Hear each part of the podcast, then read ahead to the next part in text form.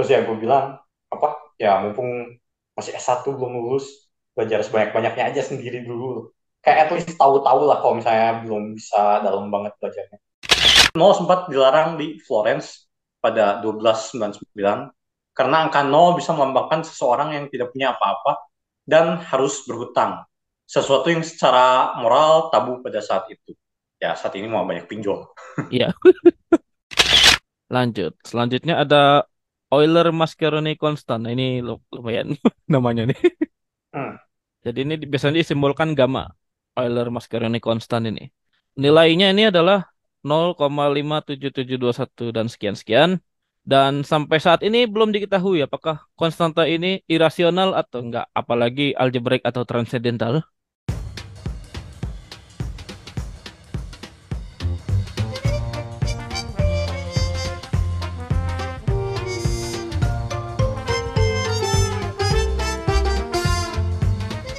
Selamat datang di podcast Bebas Linear. Di podcast ini kami membahas matematika dengan bebas namun masih berada di jalan lurus. Iya. Masih bersama saya Rizky dan partner saya Lawrence. Ya sebelum kebahasan utamanya kita akan bahas apa yang terjadi di kehidupan kita selama eh, empat minggu terakhir ya kali ya. Karena Hmm, dua, ya, dua tapi ya tapi super apa skip.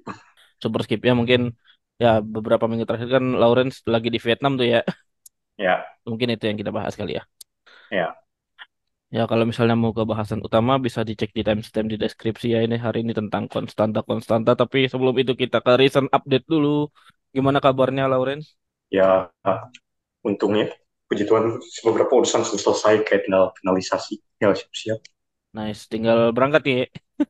Ah, belum, visanya belum diambil. Oh, ya sih, sih. Oke. Ya, tapi udah jadi sih, besok kayaknya diambil. Oh, nice. Ke- berarti ke, ke Jakarta dong ya? Hmm, gua minta di Bandung sih. Di- dikirim gitu apa? Ya, ada ada apanya sih? Kayak ada kerja sama, tahu RPX gak ya? Pokoknya Agen? dia bilang di, di kantor. RPX kok. Kurang tahu, kurang tahu. Oh. Ya. Oh, nice ya. Kalau yang dari Vietnam nih ada yang mau dibahas gak nih? Oh, banyak.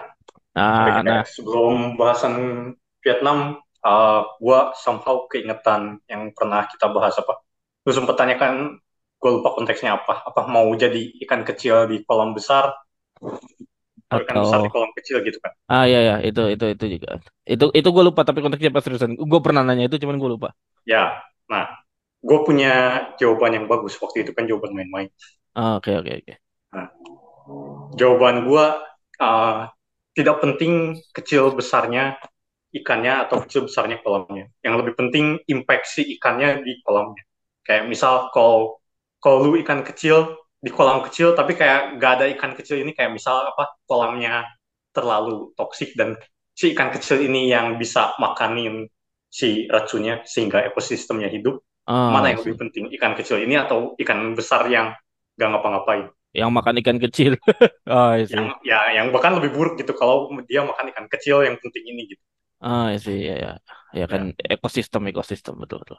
Ya. Si si yang kecil ini bisa juga ngaruh ke ekosistem si kolamnya Ya. betul betul betul. ya yang besar juga impact ke ekosistemnya gimana?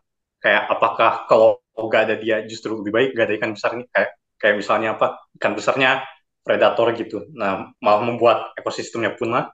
Atau, Atau si ikan ya besarnya ini yang melindungi ikan-ikan kecil biar tidak kena predator lain.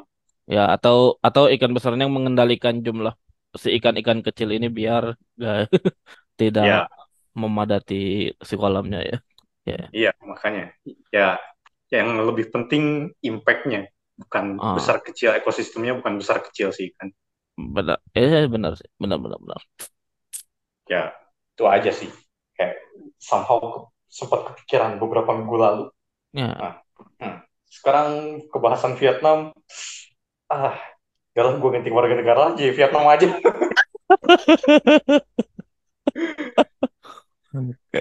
kayak buset dah apa beneran negara yang paling gue suka selama ini yang ditarik kunjungi Vietnam sih Ah, ya. orang-orangnya ya kalau lalu lintasnya nauzubillah lebih parah dari Jakarta kesel banget tiap nyebrang. Motor sini motor sana. Astaga Nah, itu, eh, bisa dipahami ya. ya terus lebih parah di Jakarta gitu. Jakarta lu nyebrang kayak angkat tangan motornya masih ngalah kan? Iya ya. masih melan di sono kagak tetap kenceng. Coba JJ belok kanan belok kiri. Ya itu makin serem. Ya kalau itu ya susah emang maksudnya secara ekonomikal kan masih belum inilah ya. ya tapi kalau yang di dunia akademia mindset orang-orangnya mantap sekali Ah itu ya itu kayak menarik. ya somehow gue sangat mudah berteman kayak nambah teman baru udah deket aja gitu yang dari Vietnam Iya ya. terus eh ya terus apa gak segan gitu loh ke dosen kayak ya maksudnya masih sopan manggil kadang ya profesor kalau di luar kan udah langsung panggil nama aja kayak hai siapa gitu kan Ya. ya bagian itunya masih sopan tapi kayak tidak malu bertanya Ya kayak ya. dekat aja sama dosennya terus dosen lokal sama mahasiswa lokalnya juga biasa aja gitu Hmm. tidak ada gap gimana nah terus eh ya ini kan apa mirip Cimpa ya Sims Sims ya ya. programnya mirip Cimpa maksudnya diadakan apa targeted negara berkembang kan Hmm. kayak pas di Filipina ah, kayak di kelas carry sendiri nanya sendiri jawab sendiri oh kayak carry satu kelas. Makanya sampai semua orang pada tahu gue di sini enak jadi spektator doang. Banyak yang nanya banyak yang jawab. Ah. Ya. kayak emang gue ikut kan bukan incar materinya gitu. Materinya kan lebih gampang dari yang Cimpa kemarin kan. Hmm. ya kayak nambah relasi terus ketemu teman lama. Ya kayak pas November kan November tahun lalu gue ke Hanoi kan. Ya ternyata orang-orangnya akan cabut juga entah oh ada lanjut ya. studi juga. Ya, terus gue ngobrol nah terus yang yang menarik nih eh, ada anak tingkat dua sana Ya. udah tahu dia mau PhD gila mindsetnya. Oh, tingkat terus dua dia ini ya, tingkat dua kuliah, eh satu. Ya. iya S1 Iya, ya. ya terus dia udah tahu CV-nya harus distrongin di sini gini harus ini gini. Anjay buset dah. Wow. gila. Ya, baru tingkat dua. Terus ada juga yang eh, tahun ini lulus ya mau daftar nanti akhir tahun ke US nah itu dia kita udah sempat bahas kan eh, yang bareng Ruby ada Polimat Junior kan Hmm, ya. nah dia ikut juga tapi ikutnya gak setengah-setengah gitu kan Polimat Junior tiga bulan selesai Iya. nah tiga bulan tuh biasanya proyeknya belum beres Ya. dan biasanya dilanjutin informal gitu Hmm. nah dia lanjutin gitu sampai setahun setengah baru beres dapat archive Hmm. Ini ya ya di, di follow up ya. Iya, terus gue tanya, kok bisa gitu? Ya katanya, kalau Polimat Junior kan gede gitu grupnya, satu grup gede. Hmm. Jadi satu mentor pegang puluhan orang, tapi katanya yang lanjut sampai akhir paling biasanya 4 sampai 6 orang katanya. Ya. Dan ya itu kan keputusan masing-masing gitu mau lanjut sampai akhir atau enggak ya. Dia bilang dia sih mau lanjut sampai akhir, terus dia terus sampai akhir. Wow. Terus ya dapat archive. Terus ya dia dia juga bilang apa ya kayak kalau mau lanjut studi kan kayak kalau transkrip doang ya sama anak US malah bisa jadi lebih bagusan anak US gitu kan. Iya. Nah, yang menjual dari kita apa ya katanya riset. Anjay. Di gila. archive itu. Iya, iya. Dia dia dia bahas, bahas apa po- Polimat projectnya? Oh, sebentar gue cek archive-nya dulu. Dia kombin. Oh. Nah, ini yang menarik juga di sana. Yang ikut Sims tuh banyak anak kombin. Tapi kayak kan topiknya apa? Algebraic number theory lah ya. Ah ya algebraic number theory. Kita kita recall lagi topiknya. Gue juga udah gak lupa topik. Ya, bahasanya ya ya ada satu lecture bahas uh, lapangan hingga doang gitu. Hmm. Nah, ada juga yang bahas uh, elliptic curve. Ya, elliptic curve-nya ganti-ganti ininya apa? Uh, lapangannya ada yang dirasional, lapangan hingga dan lain-lain lah ya. Ya. Kayak mancing juga apa ya di kriptografi pakai juga. Hmm. Terus ada yang satu uh, algorithmic number theory. Jadi kita belajar kompleksitas uh, algoritma. Algoritma. Terus ya ternyata gue kayak baru ngeh pas di sono cara kerja apa uh, polar throat test yang kayak gituan itu kan belajar di kriptografi tapi kayak Hmm. gak, gak, gak dapet sense-nya gitu pas kuliah di kriptografi terus yang ini gak praktek kan maksudnya dia jelasin teorinya oh baru ngeh ternyata Hmm. gitu tapi ya kok dipraktekin susah Ya. terus satu lagi bahas uh, quadratic form binary quadratic form terus Quadratic. ya kayak bahas, bahas apa class field teori tapi bahasanya bahasa binary quadratic form juga yang modern gak pakai ideal class group dan lain-lain Oh ya, oke. ini yang tadi yang orang Vietnam uh, projectnya judulnya distinct distances in R cube between quadratic and orthogonal curves jadi Oh. kayak uh, berapa banyak apa eh, jarak yang berbeda kayak given eh, berapa garis di curve gitu. Jarak ini in the sense kayak ya apakah kayak jarak Euclidean gitu-gitu mungkin ya? Iya, Kayak- iya, iya. Oh, Eh, Jarak jarak antar kurva. jarak eh, antar kurva kan bisa di ini jarak antar kurva tuh apa ya? Eh, jarak terpendek kan antar sama jarak dua titiknya. ya jarak terpendek kan. Ya, kayak ada kan yang lebih apa lebih gampang ini distinct distinct er- Erdos distinct distance problem. Hmm. Kayak given sekian titik, berapa distinct distance maksimum yang bisa dicapai oleh sekian titik itu konfigurasinya kayak gimana gitu. Kan kayak Oh. kalau kalau di satu garis ya sekian gitu. Terus Ah. kalau misalnya di persegi sekian gitu. Nah, ini kalau given n titik gitu. Konfigurasinya gimana biar si apa banyak jarak yang berbedanya tuh maksimum. Oh, I see. Ya, ya. Nah, ini diganti jadi uh, kurva ya tadi quadratic and orthogonal curve ya. Quadratic Hmm. ya berarti entah parabola, hiperbola, elips. Nah, orthogonal curve-nya mesti lihat definisinya Oke, oke. paper. Ya.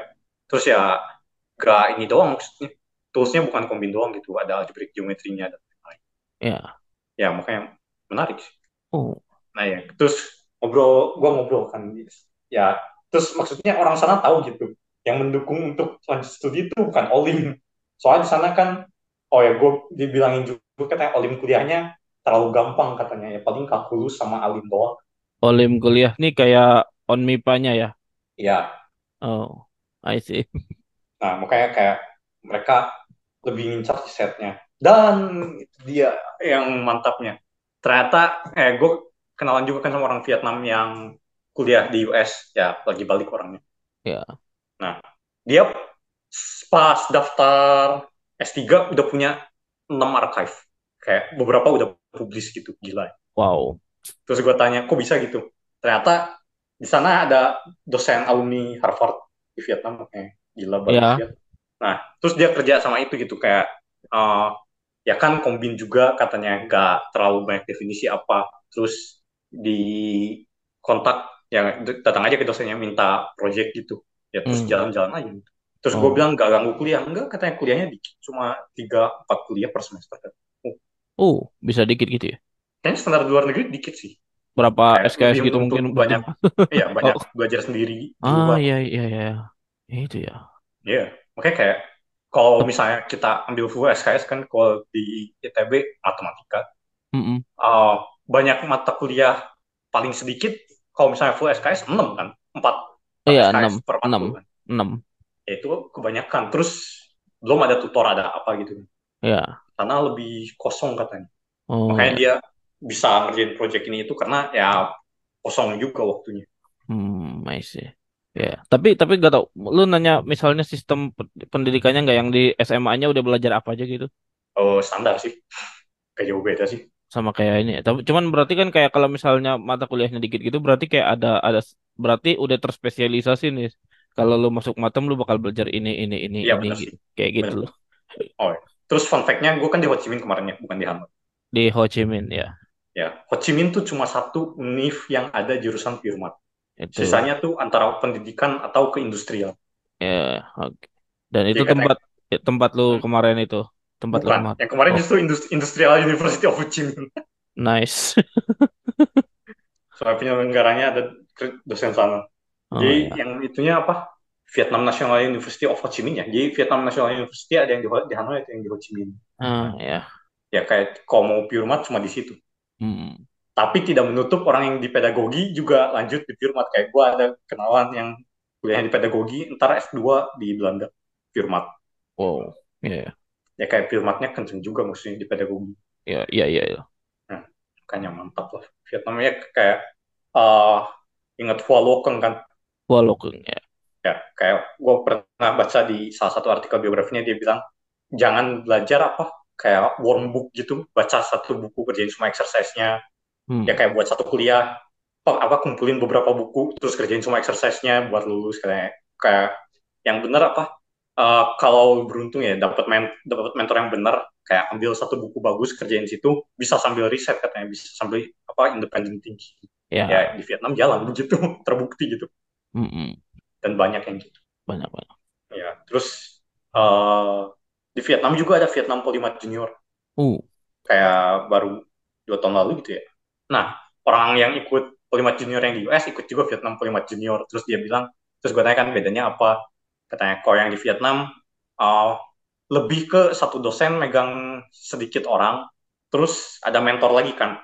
Mentornya bisa dosen lagi bisa anak S3 itu pegang satu orang kalau di yang Polimat Junior yang biasa satu dosen pegang sekian puluh terus mentornya juga pegang 5 sampai 6 orang gitu ya. Hmm. Nah, terus jangka waktunya juga setahun. Kalau yang Polima Junior yang di US 3 bulan. Ya. Nah, tapi katanya lebih stres yang di Vietnam. Soalnya ditagih mulu kapan beres. sangat sangat budaya Asia katanya. Bisa dipahami sih. ya. Katanya yang US mah santai aja orang. Terus gue tanya kan, mau mau lanjut di tempat dosen yang ngebimbing Polimat Junior enggak?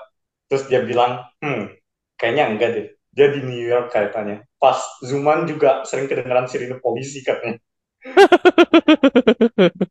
Aduh. New York. Iya. Terus oke okay, oke. Okay. oke. Okay. Nah ya, itu sih makanya Sims di Vietnam enak banget. Ah ya. Terus surprisingly dapat duit saku tiba-tiba. Wow. di hari ketiga terakhir lah nice. duit saku deh. Padahal di programnya kayak dibilang ya udah bagus lah. Di transfer apa? Pengasi. Enggak cash. Wow. Tapi tiga hari terakhir itu kayaknya buat jajan-jajan aja itu. Udah tiga hari terakhir. Oh, gua sih enggak sih buat ganti apa duit bagasi. Ya ganti. Oh ya baggage tuh. PR emang yeah. kadang kalau dari website-website kayak sky scanner gitu suka nggak nggak nggak kedetek tuh si baggage-nya tuh. Ya tapi kan RSC emang nggak ada baggage kan. Mesti ya, sih. nambah sendiri.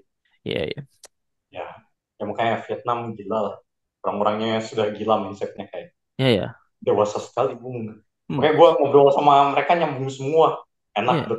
Nah terus ini juga ada satu yang menarik gitu. Uh, dia skripsi atau tesis ya, kriptografi, tapi sekarang lebih lagi ngerjain PDI. Terus gue tanya, lah oh. kenapa uh, ngerjain PDI? Kata, uh, kayak emang tertarik gitu ya. Dia bilang ya kan saya tertariknya matematika, kan aljabar doang katanya. Ya ini oh. juga tertarik. Menarik sih. Makanya, oh mantap bagus. Ini yang saya suka. Iya. Yeah, yeah. Ya terus orang-orangnya apa lagi kenceng American Dream katanya di Vietnam.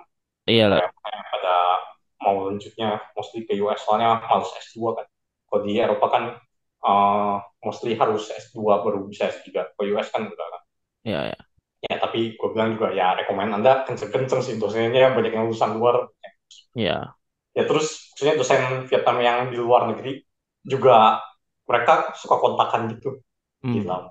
Ya begitulah. Iya emang si Vietnam sin mat sin matematikanya bagus emang maksudnya ya. kan kita seperti kita pernah bahas sendiri mereka punya lembaga riset matematika sendiri ya. mereka punya yaitu banyak lulusan-lulusan dari Vietnam yang ke US dan balik lagi apa punya koneksi yang kuat gitu ke US ah. terutama ya kesan terakhir deh ya ya cowoknya cakep dibanding Indo ah kalau itu selera Kalau itu selera itu. kan deket-deket Cina kan itu. Yo iya. Ya apakah dari itu? eh tapi lu ada ekskursi gitu gak kemarin? Kagak. Gue kira juga jadi jadwalnya ada tulisan ekskursi kan. Gue kira ya. beneran cabut. Lah kagak cuma kosong doang sih yang. Ya sedih. Terus akhirnya ya jadinya kan ada orang Indo lain ya yang dari UIN, Wali Songo. Hmm. Tiga orang sudah jadi dosen semua. Hmm. Terus saya tanya, e, mau jalan-jalan enggak weekend? Terus dia tanya opsi nginep atau tidak. Loh, ada opsi nginep ya? Kalau opsi nginep katanya bisa tembus Kamboja juga jalan. Terus gue bilang, enggak lah, enggak. Apa, soalnya waktu itu kita besoknya nge-podcast sama Gita kan. Gue bilang, oh, iya. jalan di Ho Chi Minhnya juga udah oke okay lah lumayan. Oh. Ya terus gue kena scam lagi. Bangsat emang. kayak Iya ya, bisa dipahami, bisa dipahami. Gimana gimana? Gimana ya, nih? Jadi penjual kelapa tiba-tiba datangin gua yang ngobrol dari mana? Dari Indo. Terus kayak naruh kelapanya di gua, terus gua taruh kan. Eh gua bawa sebentar gua taruh karena berat. Oh ya, terus dikasih kelapa, gua kira gratis, bisa bayar bangsatnya. Mahal lagi.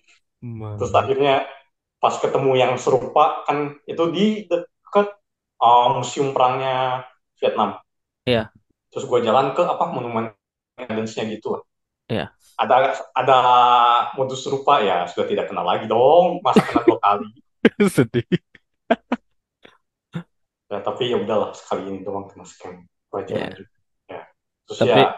menarik di museum perangnya ya itu sih Hmm. museumnya keurus gitu Wow. kayak museum di Indo kan beberapa tidak keurus Ya, ya. ya terus sejarahnya jelas gitu ya tidak ditutup-tutupi ya kita punya sejarah perang antara selatan dan utara terus Amerika ngomporin Amerika. Ya. Ke ini juga nggak yang ada gue lihat di mana di Instagram apa ya? hmm. Apa yang ada ini antara di Instagram atau di Facebook gue lupa. Tapi ada videonya tuh kalau yang eh gue gak tahu ini di museumnya apa bukan, tapi yang apa tempat eh apa tentara ngumpet itu loh di yang dari batu gitu.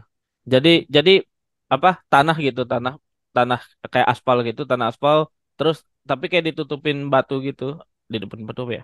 Kayak buk, gak tahu tanah apa aspal, bukan aspal kayaknya ah, tanah tanah tanah gitu tapi tapi tanahnya bisa dibongkar pasang gitu jadi kayak tanahnya dibu, dibuka nanti ada persembunyian ada kayak gitu nggak? Gak nemu nggak nemu ya? Berarti bu- bukan yang di situ. Pokoknya gue pertama kali langsung ke kantor pos yang paling tua di sana. ya. Kayak itu kantor pos sudah jadi semi museum gitu. Soalnya masih jalan juga. Kalau hmm. mau ngirim pos masih bisa di sana. ya ya Ya terus dari situ jalan ke patung Ho Chi Minh. Ya ke taman ada patung Ho Chi Minh. Nah kayak enaknya ya kayak tem- apa yang daerah wisatanya udah kayak Eropa lah. Hmm. Walkable gitu. Jadi tinggal jalan doang. Terus maksudnya ada patung tuh bisa difoto gitu kan kita di Pancoran mana bisa foto ya. kalau pancoran kan tengah jalan itu Iya makanya kayak di sini tuh taman ada patung dia bisa foto gitu. oh ya ya Ya kalau di Jakarta ada patung nggak bisa foto ya. ya patung mah selamat datang khususnya nggak bisa dipoto Ya, itu. Jalan bener itu. Ya jauh makanya. ya Ya, terus ke museum perang, terus ke monumen kemerdekaannya, terus ya habis itu sih udah. Kayak dua jam jalan udah kena semua tempat wisata. Wow. Ya ya Ya makanya menarik loh dibanding terus banyak yang bisa bahasa Inggris sih di sana. Kalau di Hanoi tempat wisatanya di- dikit juga yang bisa bahasa Inggris. oh ya Ya. Terus gua nemu koin dong yang sudah pernah dijual di kantor pos. koin ini ya dong Ya, soalnya kan dong sekarang nggak ada koin kan, lembaran semua. oh ya ya ya Hmm. Nah, terus di jalan gue ngobrol kan apa sama yang dari UIN. ya Nah, inilah eh kita tekankan lagi kayak S3 tuh lebih ke mentalitas gitu dibanding apa? dibanding. Dibanding pintaran betul betul betul. Betul. Kayak apa? eh, pas di Doi kan ikut acara di Viasem Agustus ya. Kalau yang gue kan gue di Viasem yang November. Via di SM Institut Matematik. ya yang Hmm, di nah, via SM Agustus kapan? Tahun lalu. tahun lalu oh. Ya nanti juga Agustus ada lagi sih, cuma topiknya beda lagi.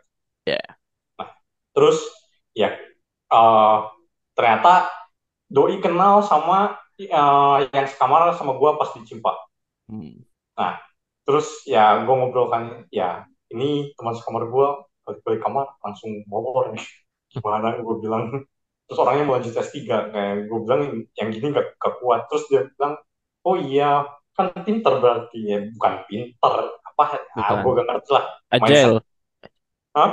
iya ya Ya, mindsetnya gue gak ngerti mindset dari mana kayak orang tidur terus bisa ngerjain dianggap pintar gitu. Kayak kayak gue bilang S3 gak bisa gitu kan. Kayak Hmm. butuh mentalitas, butuh hard work dan lain-lain kan. Gak bisa kayak lu betul betul tidur bangun-bangun dari situ kagak ini gue udah Ah, berapa bulan ya dua tiga bulan belum beres masih aja ada yang terus diperbaiki dan harapannya ada eh, hasil yang bisa di, lebih diimprove lagi ini kayak ada yang ngeganjel gitu kayak kayaknya ini bisa diimprove tapi belum nemu gimana cara itu ya. Nah iya. Terus ya gue bilang apa ya S3 lebih ke mentalitas gitu. Mentalitas kerja keras. Kalau enggak apa kalau pintar dalam tanda petik yang pintarnya gitu yang nggak bisa gue bilang S3 makanya gue sih lebih menyarankan yang teman sekolah gue tidak S3 ya kalau masih gitu-gitu aja. Ya nah ya terus nah dia sendiri udah pernah S3 kan? Ya yang gue ajak ngobrol. Terus dia bilang ya setuju lah gimana ibu sendiri bilang setuju kok makanya jangan jangan terlalu anggap pintar lah itu budaya Asia yang jelek yang gitu dianggap hmm pintar ya ya katanya dia juga ada kenalan uh, pas S3-nya lulusan Jepang ya kayak lulusan Jepang ya sudah jelas lebih established dari lulusan Indo lah ya. Iya ya. Tapi akhirnya DO sih balik ke negaranya. Hmm. Ya, terus saya bilang kenapa ya? Soalnya nggak tahu kena mental gimana jadi kedemotivasi gitu jadinya nggak ngerjain risetnya gitu. Jadi banyak lebih banyak ngepengong gitu malah ke jalan-jalan nggak apa kayak nah kan udah saya bilang kayak S3 tuh lebih ke mentalnya betul betul. Ya terus dia juga nemu lagi ada yang lain. Oh itu juga oh, banyak. Ya gue nggak ngerti risetnya nggak jalan juga. Padahal bisa master by research gitu ya. Maksudnya kalau lu gak dapet S3 masih bisa di effort dapat master by research gitu kan di Inggris. Hmm. Somehow some way tapi ini nggak effort sama sekali ya udah akhirnya coba ya ya maksudnya padahal kayak CV wise lebih bagus gitu orangnya -hmm. kayak dari negara maju apa -hmm. tapi ya lagi-lagi mentalitasnya nggak siap ya nggak siap aja ya, ya. itu kayak, ya jadi gue ingat oke lanjut lo dulu dulu, dulu ya sorry. makanya gue selalu tekanin apa kayak kalau mau S3 lebih ke mentalitasnya terus ya kayak gak ada apa jangan mikir ada way back gitu kayak gue selalu mikir no way back gitu kayak apa uh, eh, S3 lu udah S3 ya berarti makin sempit gitu dalam tanda oh. petik lapangan pekerjaan yang bisa lo apply. Mm, yeah. Jadi kalau misalnya mindsetnya mau kerja, yang mending dari sekarang aja misal dari S1 atau dari S2 udah langsung apply kerja jangan jangan gas terus sampai S3 baru mikir aduh ntar kerja gimana. Iya yeah, ya. Yeah. Karena eventually lu mesti kerja gitu gak bisa studi lanjut terus. Betul betul. Gak ada S4 S5 tuh ya sampai yeah. S20. eventually lu mesti kerja gitu. Yeah, entah di akademia, entah di industri, entah, entah kerja di ya. Iya. Terus ya makanya mau kerjanya di mana, bagaimana, mm perusahaan yang macam apa kayak apakah butuh S3 kalau nggak butuh ya udah kerja aja. Yeah. Ya. Jadi apa yang mau bilang? Oke, okay. ya itu gua sempat lihat di Twitter kan yang apa ada ada yang mempertanyakan kenapa LPDP gak nyaringnya tuh dari yang bisa bahasa Inggris yang bisa padahal kenapa gak nyaring yang pinter aja gitu pinter secara akademik. Satu cuman terus ada yang balas justru salahnya di situ kalau misal orang untuk S3 tuh bukan cuma apa akademik aja gitu. Benar. Ya justru kalau ada yang berpendapat ini ada yang ada yang berkomentar lagi nih kok saya ngeliat kayaknya yang teman-teman saya yang biasa aja gitu pas dulu akademiknya gitu itu itu kata orang ini ya kata orang di Twitter ya teman-teman yeah. yang biasa aja di akademiknya kok malah ada beasiswa LPDP gitu yang biasa-biasa aja gitu yang menurut dia biasa aja di akademiknya gitu hmm. padahal ya maksudnya itu maksudnya gak, gak cuma soal itu gak cuma soal kemampuan akademiknya doang kan itu hmm. walaupun walaupun gue gua mengakui mungkin ada survivorship bias juga ya uh, artinya ini loh apa kayak kalau lu ber, kan ada mindset yang apa yang lu bilang tadi apa yang S3 mesti pinter gitu ya. Gua gua hmm. bisa memahami adanya pendapat itu karena ya maksudnya karena ketika lu misalnya S1 gak bisa lu, maksudnya lu gak keep up dengan S1 gitu ya. Ya. Dengan kul ini kita bahas yang kuliah dulu ya. Uh, ya. kalau kita gak bisa keep up yang S1 lu bakal less likely untuk lanjut ke S2 apalagi S3 gitu. Jadi ya. kayak orang-orang mikir ini yang mau lanjut S2 S3 at least dia uh, academically capable gitu. Ya. Nah, walaupun kalau untuk urusan mental capable itu kan lain lagi itu. Benar. Maksudnya, gue ya, gue bisa memahami adanya pendapat seperti itu sih maksudnya gitu loh. Ya. Ya cuma ya itu sih maksudnya academic capable ini juga maksudnya apa gitu. Karena apakah hanya nilai doang? Kayak ternyata tidak juga gitu. Hmm ya, ya. Junho Jungha kalau kalau Jungha contohnya ya jelas itu. Ya, kayak itu maksudnya, S, S1-nya fisika kan? Ya maksudnya ya terus lama gitu kan enam tahun gitu. Iya. Ya terus ya maksudnya akademik capable itu bisa aja kayak ada faktor-faktor eksternal yang dia yang bikin dia pas di kuliah nilainya kurang bagus gitu. Makanya ya, kan ya betul betul. makanya rekomendasi itu ya penting banget karena ya bisa jadi ada faktor-faktor tertentu yang bisa bikin akademiknya kurang bagus. Eh ternyata yeah. uh, pas si dosennya lihat, hmm, kayaknya ini anak bisa ada nih. masalahnya bukan karena dia gak ngerti materinya gitu kayak misal yeah. ada masalah keluarga atau apa gitu. Yeah. Ya, kayak yang kita pernah bahas, Klaus Roth kan kayak tiap ujian dia nervous gitu sampai Tegang ya. Ya ya. Ya tapi ternyata uh, Davenport lihatnya lain kan. Oh ternyata dia pas di ujian gitu, pas di kelas sama riset beda gitu kan. Hmm. Ya berarti academically capable-nya tidak dilihat hanya dari nilai kelas aja kan. Ya, ya, Harus ya, dilihat ya. pas sudah kerjanya gitu kok. Dia Ya. bisa keep up dan ternyata terbukti gitu kan Coach medal. gitu. Mm-mm. Ya. Ya mungkin maksudnya mungkin ya jeleknya bukan jeleknya apa kurangnya sistem akademi di kita ya ya itu itu Ya, juga itu. gitu. Itu juga gitu. Terlalu Ya, menekankan nilai. terlalu lihat nilai satu. Walaupun walaupun ada faktor juga kayak kayak misalnya gua misalnya gua dapat nilainya kurang bagus nih ya, ya misalnya ya. Ya, Ya. ya gua mungkin akan berpendapat oh gua gak cocok nih apa kuliah lanjut gitu. Gua akan ya itu itu kan ke- balik lagi ke mental masing-masing juga ya. Ada yang Nah, oh ini saya harusnya bisa nih cuman mungkin nilainya nggak itu ada yang berpendapat oh ini nggak wah saya gak gak cocok sih buat kuliah lanjut ya udah saya kerja aja gitu misalnya. Itu kan ya, ya itu kan balik lagi ada ada faktor survivorship biasnya juga di situ gitu ya, buku ya tapi ya itu memang memang sebenarnya mental mental itu sih perlu sih ya, makanya kayak pas gua di semester pertama STP kan ada nilai yang kurang bagus kan, terus dipanggil sama ya kayak dosen walinya gitu. ya Terus ditanya ya dia juga berpendapat bukan gua gak ngerti materinya gitu Mm-mm. ya, ada faktor lain gitu yang bikin ini. Mm-mm. Ya terus ter- setelah faktornya resolve ya semester 2 biasa-biasa aja bagus ya nilainya ya. Ya gitu sih. Mm-mm. Ya, makanya menarik lah di Vietnam ini. Orang-orangnya menarik. Terus seperti biasa tiap makan pasti ada sayur. ada apa Ada sayur. sayur Lu makan nasi goreng pun ada sayur. ya ya ya lu pernah bahas kayaknya waktu itu Ya. nice Tapi ada makanan berbeda katanya yang ada di Ho Chi Minh doang, tidak ada di Hanoi. Terus gue nyobain apa namanya? Tiu. apa Kayak Hu Tiu. oh tiung H H H U Y T I E U ya. Kalau nggak salah. hui ti ti tieng tieng di sini di tieng an lagi mau bener gak ya oh bukan hui tiung T I E U. t u u o hui tiu apa Ya H U ini Y T I E U. TEU ya images. Oh Vietnamese. Oh, H oh enggak H U Y, H U doang deh. H U T I E HUTU U. oh ya Vietnamese pork pork lah. Enggak harus Enggak ada di, pork. di sini ada pork soalnya tulisannya Yes. Vietnamese pork and brown clear noodle soup Ya kayak mi ya sana emang semua makanan beras ya kayak es krim pun es krim beras.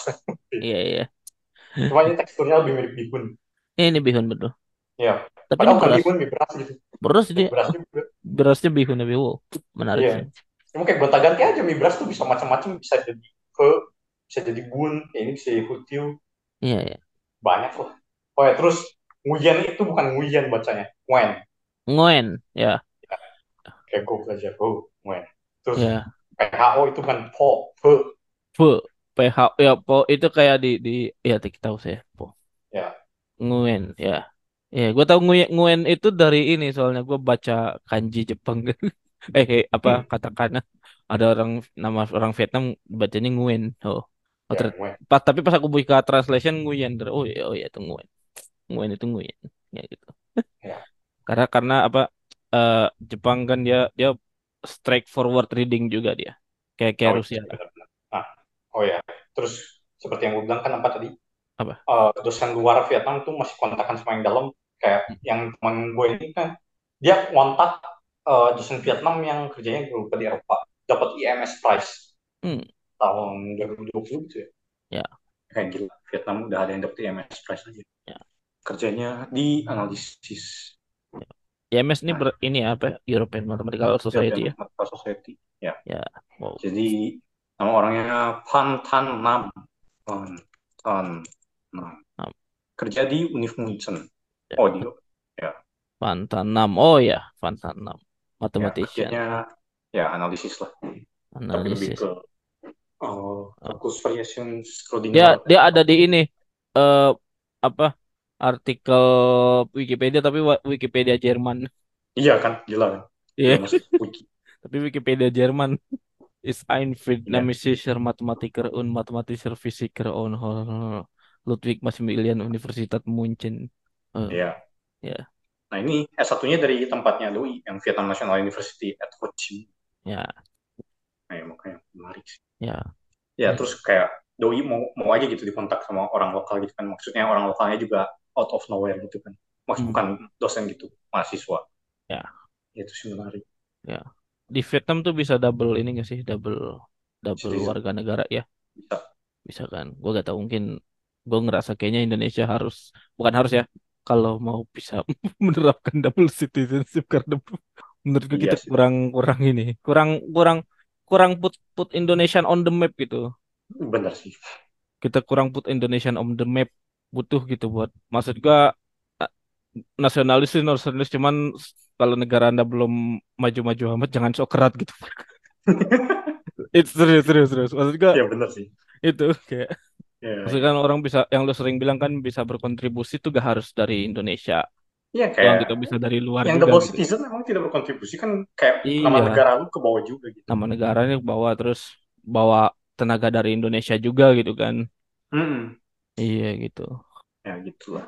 ya Ya kayak sekian kali ya. Jadi kayaknya Vietnam. dicukupkan dulu kali ya dari Vietnam Oh banyak yang menarik soalnya. banyak ya gue gue selalu amazed gitu ternyata maksudnya ada serta secerca harapan dari Southeast Asia gitu Vietnam dan ya menurut gue nggak cuma di matematika ya di bola juga mungkin lumayan maju juga gitu. Dan sains ya. dan sains sains juga fisikawan yang terkenal juga fisika dari ah iya iya iya Kayak yang dapat apa kemarin ICTP Prize apa ya? Lupa. Dirac ya Medal ada yang dari ya Vietnam. hmm ya Ya gitu. ya gitu oke kalau dari saya update dari saya eh ya eh, Man City kemarin juara tapi tidak dapat diskon saya jadi. Man City juara Champions League gak dapat diskonnya oh tapi ada diskon dari ini dari Manchester dari Manchester Abu Dhabi tuh. Hmm. adanya diskon di itu doang deh Hmm. kira diskon buat se- seluruh marka maskapai gitu dari periode kapan sampai kapan. Kan lumayan. Tapi ya tuh gue nggak tahu ya gue gue jujur aja gue gue selama, summer sangat merasa un- unproduktif banget. Tapi ya itu tapi ketika gue tanya gue bingung gue ketika gue tanya dos gue kata dos gue you you don't have to do anything at least for this this summer gitu. Kita Hmm. continue eh, apa ya habis le- habis liburan gitu. Hmm. kayak menurut lu kalau misalnya gitu apakah gue harus tetap lanjutin atau apa gue gua break dulu gitu buat recharge dulu gitu menurut lu gimana dah Nah, ini ya, ada, orang ya orang yang sama yang orang Vietnam yang kuliah di US ya di apa University of Illinois Urbana Champaign Iya. ya pas makan eh, siang kayak nanya ya kok udah mau balik? Ada yang lain kan ada yang orang Kamboja kok udah mau balik lagi ke kamar? Yang dia bilang masih ada tugas. Loh masih ada tugas masih kuliah? Ya katanya ini eh, nggak libur gitu dia izin. Terus lah terus yang ini eh, ngurus nanti ke Prancis katanya yang dari Hanoi kan. Pada M2 di Prancis kan. Iya. ya katanya lah dia doang katanya yang menikmati summer. Allah ngebusuk juga. Ujung-ujungnya di kelas buka paper juga. Enjoy summer enjoy summer dia bilang liburan. Pas di kelas Sims-nya di belakang buka paper ya. Ngebusuk juga ya. Iya sih. Nggak tahu. Kok gue sih ya udah karena liburnya udah tiap minggu ya udah kayak weekday-nya emang fresh terus nah ya. Jadinya weekday ya ngerti pasti ada ngerjain sesuatu. Justru kalau gue gak ngerjain sesuatu ngebongong doang tidak bisa. Bener bener bener. Ada ada kecenderungan itu juga kayak gak gak, gak bisa gitu. Kadang aku juga ngerasa gitu cuman kayak ya kayak hmm. seharian nonton tuh gak bisa. Nggak. Kayak weekday itu pasti ada ada lah. Ya kayak misal review yang materi yang basic-basic juga tidak masalah kok gue sih. Ya ya gue gua gua mungkin cara gue kurang bagus cuman gue gue sesimpel kayak ngerjain soal soal olim gitu. Yes. Ya gue sih uh, ngerjain soal ini prelim qualify wah mungkin itu juga. Kalau kalau lu kan ya lu ada tuntutan prelim ya mungkin mungkin itu. Ya. Gue paling ya maksudnya buat buat ngejaga ini biar biar mikir itu. Apa-apa ngerjain ngerjain soal soal olim. Tapi maksudnya gue gua gak tahu. Gue mungkin karena masih ada urusan di luar kuliah jadi kayak kayak hmm, nggak terlalu in, mot- in motivation khususnya mungkin pas summer ini kali ya. Nggak hmm. terlalu in motivation buat ngerjain ini kali gitu gitu loh. Hmm. ya makanya kayak kayak bilang apa gue kalau gabut emang bisa gabut banget emang. Maka dari gak itu. ya ya kayak hari Minggu segabut-gabutnya gue pasti baca buku pasti baca iya iya. biografi baca baca apa lah ya ya paling mungkin yang bisa nggak nggak bikin gue gabut ya yang nulis materi buat ini. Ya. Oke tapi kayaknya itu dulu kali ya. Gue belum oh kepikiran lagi. gue ada nambahin sih. Oke oke. kayak di luar Vietnam ya. Kan ada peserta dari Kamboja. Ya ya. gue untuk membuka wawasan tentang Asia Tenggara itu gimana sih? Iya ya, Kamboja. dia ada satu yang dari Kamboja ikut uh, doi. Tahun depan lulus harusnya. Iya. oh, tepat waktu lulusnya satu. Hmm. ya ternyata Kamboja tuh parah banget matematikanya. Dia gak ada mata kuliah analisis kompleks satupun. Kayak pengantar analisis kompleks itu tidak ada. Wow. Padahal Dekat. univnya univ top di Kamboja kan Royal, Dekat. Royal University of Phnom Penh Hmm, ya. ya kayak gue juga kaget lah kok bisa ya gitu tapi kata yang untung dia ada koneksi jadi Jadi- cuttingnya ada yang lagi S3 di Inggris terus dia kenalin ke dosen pembimbingnya ya ada koneksi ya bagus Hmm. terus kemarin Hmm. di Sims ya membangun koneksi juga ke dosen-dosen Ah. pengajarnya terus ya kita kita gitu kayak ke gua ke teman-teman yang lain Ya, sulit sih itu. Saya juga kagak ada analisis kompleks tuh apa. Kayak saya saya ngerasa ya, di Indonesia aja masih kurang gitu analisis kompleksnya. Hmm. ya ini gak ada at all Gak ada gitu at all. Aduh. Jadi kayak Nggak. average average lulusan di sana nggak tahu x kuadrat plus satu sama dengan nol tuh solusinya apa. tahu kali itu mah masih bilang kompleks mah tahu analisisnya yang tidak tahu Mungkin ada. tahu Cauchy integral theorem Tapi saya juga agak lupa sih. Kalau ditanya juga, juga lupa deh. Mungkin. ya terus ya gue bilang apa ya mumpung masih S1 belum lulus belajar sebanyak-banyaknya aja sendiri dulu. Kayak at least tahu-tahu lah kalau misalnya belum bisa dalam banget belajarnya. At least tahu eksistensi ini itu. Terus ya gue bilang jangan lupa apa beneran dikerjain matem kayak uh, gue nemu artikel menarik apa ya? Oh, webnya sebentar. Nah webnya adalah andi a n d y m a t u s c h a k dot org. Jadi Oh. ingat sekali a n d y m a t u s c h a k di dot org dot org. slash books books Slash. buku b o o k s Oh, I see. nah itu ngejelasin kayak kenapa baca buku doang tuh tidak tidak berarti lu mengerti ya karena lu baca doang tidak dikerjain gitu. Hmm. karena membaca bukan berarti lu melakukan aktivitasnya gitu Ya ya. Beda-beda. Emang engage itu engage Ya. engaging in satu ini beda. Kecuali mungkin lu baca buku non mat ya, mungkin lu baca buku cerita ya bisa baca buku novel itu lagi. novel. Kadang-kadang gue baca buku ya apa ya, yang kayak waktu itu yang gue bacakan apa si Humble Pie itu. Ya kadang-kadang gue mesti ngitung-ngitung lagi itu bener gak? Soalnya dibilang ada beberapa kesalahan kan di buku ini yang sengaja dibikin. Oh, ya ya kacau. ya, ya. Tapi maksudnya itu emang emang emang beda sih kayak kecuali lu mau baca-baca santai aja gak apa-apa. Ya, ya makanya gue gue bilang apa ya random browse ya kayak Apip sih yang bilang pertama kali random browsing itu skill non trivial terus gue makin ke sini makin merasa kok makin benar ya itu statement Random browsing ini apa nih? lu bisa browsing apa pun tapi apa yang lu browsing itu non trivial Benar benar benar. Mencari informasi maksudnya ya. ya gak nyari informasi juga kayak misal gue apa tahu ada uh, website uh, apa MIT gitu mata kuliahnya di sini sini sini ternyata tidak trivial ya kayak orang-orang kalau misalnya nge-browsing itu belum tentu nyampe situ gitu Betul betul betul. dan apa yang di browsing gitu kayak orang kebanyakan kan nge-browsing ya hal yang tidak penting kayak gitu. Ya, sebenarnya tergantung tergantung juga. Kayak gue tujuan gue nge-browsing apa tapi ternyata ah yang sebenarnya ada tuh di sini gitu. Kayak lu Ya. lu tau gak sih yang meme apa? A person ask in Stack and Chase nine years ago. Terus me Oh ya, yang gitu. Yang Oh, iya, yang iya. ada malaikat-malaikat itu. ya ya. ya itu. Iya, terus gue merasa random browsing gue somehow bagus gitu kayak gue nyari materi browsing, sering Iya. keluar materinya. Terus gue memperhatikan sesuatu yang mungkin orang-orang tidak perhatikan. Ini tulisannya REU gitu. Apa tuh? Loh, ya itu research experience for undergraduate kan. Oh, maksudnya artikelnya uh, program dari REU Oke oke. Terus di univnya. Terus loh, ini program REU gitu. Kok bagus ya udah sampai sini. Terus akhirnya gue cek REU-nya. Lah, ya kan non trivial gitu. Kayak gue ngecek Hmm. REU-nya. Ternyata, oh ini iya. gini sejarah REU-nya gini, ya oh iya menarik. Ya maksudnya Ya. padahal awalnya bukan nyari itu gitu. iya Awalnya iya. cuma pengen nyari materi Bener. doang. Bener bener. Terus nyampainya ke sono. Iya, K- kalau gua gua mungkin gua gua paling nyari materinya doang udah selesai gitu. Cuman itu kalau lu kan emang ada lu ada apa maksudnya ada prior pengetahuan soal RIU gitu. Lu pasti maksudnya ya Hmm.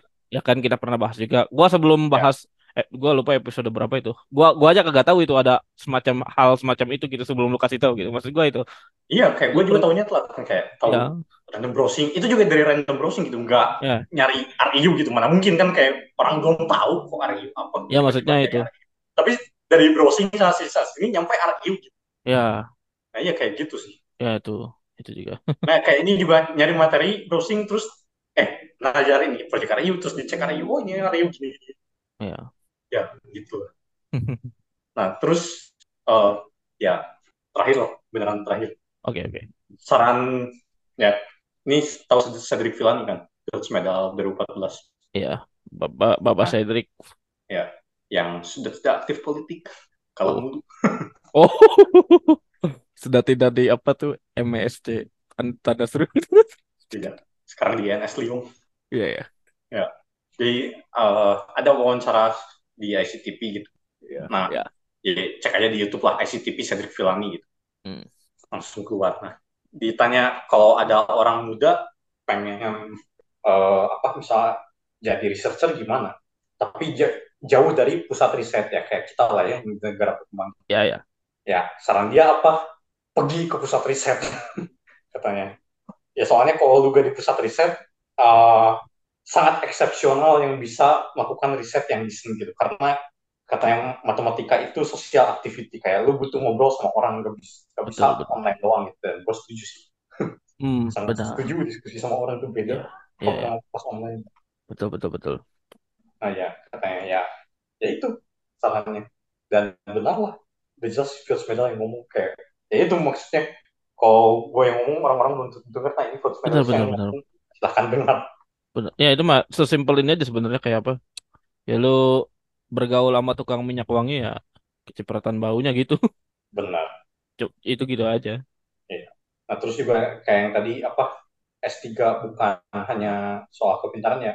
Contoh sederhananya kayak kalau lu jadi penyanyi udah mau jadi artis, emang modal lu nyanyi doang kan tidak buat Enggak. jadi artis kan. Ada Ya. yang lain-lainnya. Terus nanti masuk ke pergaulan, apa Ya. nanti brand masuk ngejaga brandnya gimana. Kayak Ya. ya tidak sesimpel lu nyanyi bagus dong. Nyanyi nyanyi nggak cuma nyanyi ya. Lu tahu mikrofon juga perlu tuh. Perlu Tahu ya placing mikrofon, a- apa koreografi. Ya, terus kayak kalau mau, mau jadi artis kan lu tidak jadi doang, ntar kayak Ya, jadi ya. brand ambassador iklan produk apa. Marketing Iya, ya makanya yang sama gue menarik yang pas Seni bilang pas pertama audisi, ya kenapa baru ikut sekarang? Karena sekarang dia udah siap gitu terjun ke industri gila. Jadi oh. udah dipikirin dulu terjun ke industri itu gimana, udah disiapin dulu, baru ikut kompetisi. Hmm. Ya. Ya gak tahu ya. Mungkin mungkin kayak lu kalau lu lihat apa artis yang gua gak tahu artis di Indonesia kayaknya banyak yang terkenal sebentar tapi gak bisa maintain ya. Itu itu mungkin karena itu juga kali ya. Ya, gak, gak siap kan? Kayaknya ti- tiba-tiba mendadak artis gitu. Jadi gak gak, Ya, gak ada star syndrome lah. Ya atau ya karena nggak tahu industrinya bekerjanya gimana. Ya, itu. Ya gitu makanya. Ya kayak sebelum kerja atau sebelum lanjut studi ya gitu tuh harus tahu dulu ntar kayak gimana, Ya. baru siap terjun. Hmm. Oke. Oke. Eh, bahas bola selain Champions League apa lagi ya? Gak ada udah transfer mah gak mutu. Gak usah. Oh ya, Indonesia saatnya Argentina nonton. Messi di US. Bertemu Messi di US. Gak bisa bertemu Messi di Indonesia kan? Ya, gue juga di Vietnam pas Iya juga sih. Messi. Nah, kasihan orang-orang tidak bertemu Messi di Indonesia, gue bertemu Messi di US. Kamu tahu tidak Miami itu di mana? Emang mainnya di Miami doang? Oh enggak sih. Emang ada klub bola kendak ya emang. Nggak tahu sih. Ya, tapi kan kita bisa effort lah ya. Effort lah ke ke mana gitu. Kendaki Ya, dekatnya apa sih? yang Ohio apa? Katanya sih kalau nanti apa ngurus pemilu hubunginya konsulat jenderal Chicago sih kan. Iya iya. Chicago Fire. Ya, gitu. Hmm. Ya, bursa transfer. Ya, Betul, yang buka MU, kok pada buka MU sih? Itu memang emang klub udah jelas itu mah. Ya, terus sih, ya, gara-gara CR ke Arab kayaknya makin banyak yang ke Arab ya. Oh ya Orang kalau itu ya lagi lagi exodusnya lumayan rame. lagi hype orang-orang ke Arab. Ya. Tapi jangan kaget kalau habis itu dipinjemin ke Newcastle jadi ya udah. Hmm, bisa jadi, bisa. Iya. Siapa aja ya, Benzema? Eh, Ben. Lukaku udah fix belum ya? Lukaku gak tahu. Yang fix mah kan Benzema, Kante, Chelsea terutama ya dari Sampai dari Chelsea itu. oh Chelsea ya kan lagi banyak yang ini pindah Hmm. gara-gara sih Kak. kayak kayak gue bilang kan Kante kayak seasonal banget naiknya terus sudah Benzema juga sih kayak dua tahun lalu doang wah Benzema terus musim ini ya tuh Benzema, Benzema, Benzema di udara. ya sekarang padahal dulu apa kalau yang nyari duit biasanya ke Cina ya Ya dulu sekarang dulu ke Cina. Cina sekarang lagi ini juga untuk bolanya lagi ini juga kurang lagi turun. ya Jadi sekarang ke Arab. ya menarik ya kalau ketemu Benzema gampang kan sekarang Ya bisa lah. Paket ini paket paket paket umroh ke sekalian ke Al Nassr. Ya. Hmm. oke terus gua update riset aja kali Paket apa? sedikit aja update riset Oke oke nice. Ya, jadi sebenarnya hasil udah ada tapi eh, feeling gua sama yang disentuh NSW ada sesuatu yang bisa diimprove cuma kita masih belum tahu caranya. Oh, I see. Terus ternyata skill nulis tuh sangat tidak trivial. Kayak gua tulisnya jelek banget. Sangat tidak trivial jelas itu. Iya. Ya maksudnya gua udah ngerti kan udah dapet hasilnya. Terus terus Ya, terus saya bilang ya ini penulisannya kurang bagus ya. Dia benerin dia banyak benerin terus ya setelah gua baca yang ya ampun bagus bagus banget. ya ya. Ya Beda terus emang kayak kalau misalnya kan kalau kita kan kayak kenalnya ini jika ini maka ini lalu ya misalkan ini padahal sebenarnya kalau gue lihat paper-paper nih kok orang bisa nulis bagus ini kayak ya apa terus dia bilang kayak apa salah satu tips kalau lu nge-cite hasil pendahulu mending jangan di-cite di teorema kayak mending dinarasiin aja kayak ya sebelumnya si ini dapat hasil gini gini gini gak usah di cite jadi teorema atau lemma oh ya. Emang kalau kenapa tuh? jadi tools baru Hah? Emang kenapa? ya biar meng-highlight hasil lu Oh, I see, I see. sesimpel itu kayak kalau misalnya lu taruh hasil orang lain di teorema ya ntar orang melihatnya ini hasil lu atau bukan ya gitu Oh, betul betul. Ya kalau itu jadi tools nah baru side. Apa jadi diformalin dilema atau teorema kalau enggak mah dinarasiin aja. Terus gue baru tahu. Terus ya. Ya, cara ya gue buktinya bener. Cuma nulis eh, apa proofnya jelek gitu urutannya. Terus sama dia nulis mantap ya, kayak ya. gue banyak, banyak banget yang direvisi. Kayak dirombak habis-habisan. Ya maksudnya hasil utamanya tidak dirombak tapi cara penulisan apanya semuanya dirombak Hmm, Terus gue ya, bilang, ya. ya sorry for my bad writing. Terus dia bilang, ya no problem. Ya justru ini sengaja biar lu belajar cara nulis gitu. Ya, ya. Sama kayak dosen aku juga gitu sih. Oh iya. Aku udah ada ada aku udah ada udah ada hasil cuma ya itu Ya. Terus nulisnya orangnya aja. nyantai gitu kayak gue bilang, ya gue lagi sims di Vietnam. Oh iya, no problem katanya. Ntar aja beres-beres gitu. Ya, Maksudnya tidak ngejar deadline gitu. Mantap, enak kali. nice. Ya, tapi gue juga cepet beresin lah. Ya, ya. Rasa bersalah kok tidak beres-beres. Ya. ya, kayak nanggung banget di, di dikit lagi. Kayak sebelum cabut bisa lah masuk archive. Archive.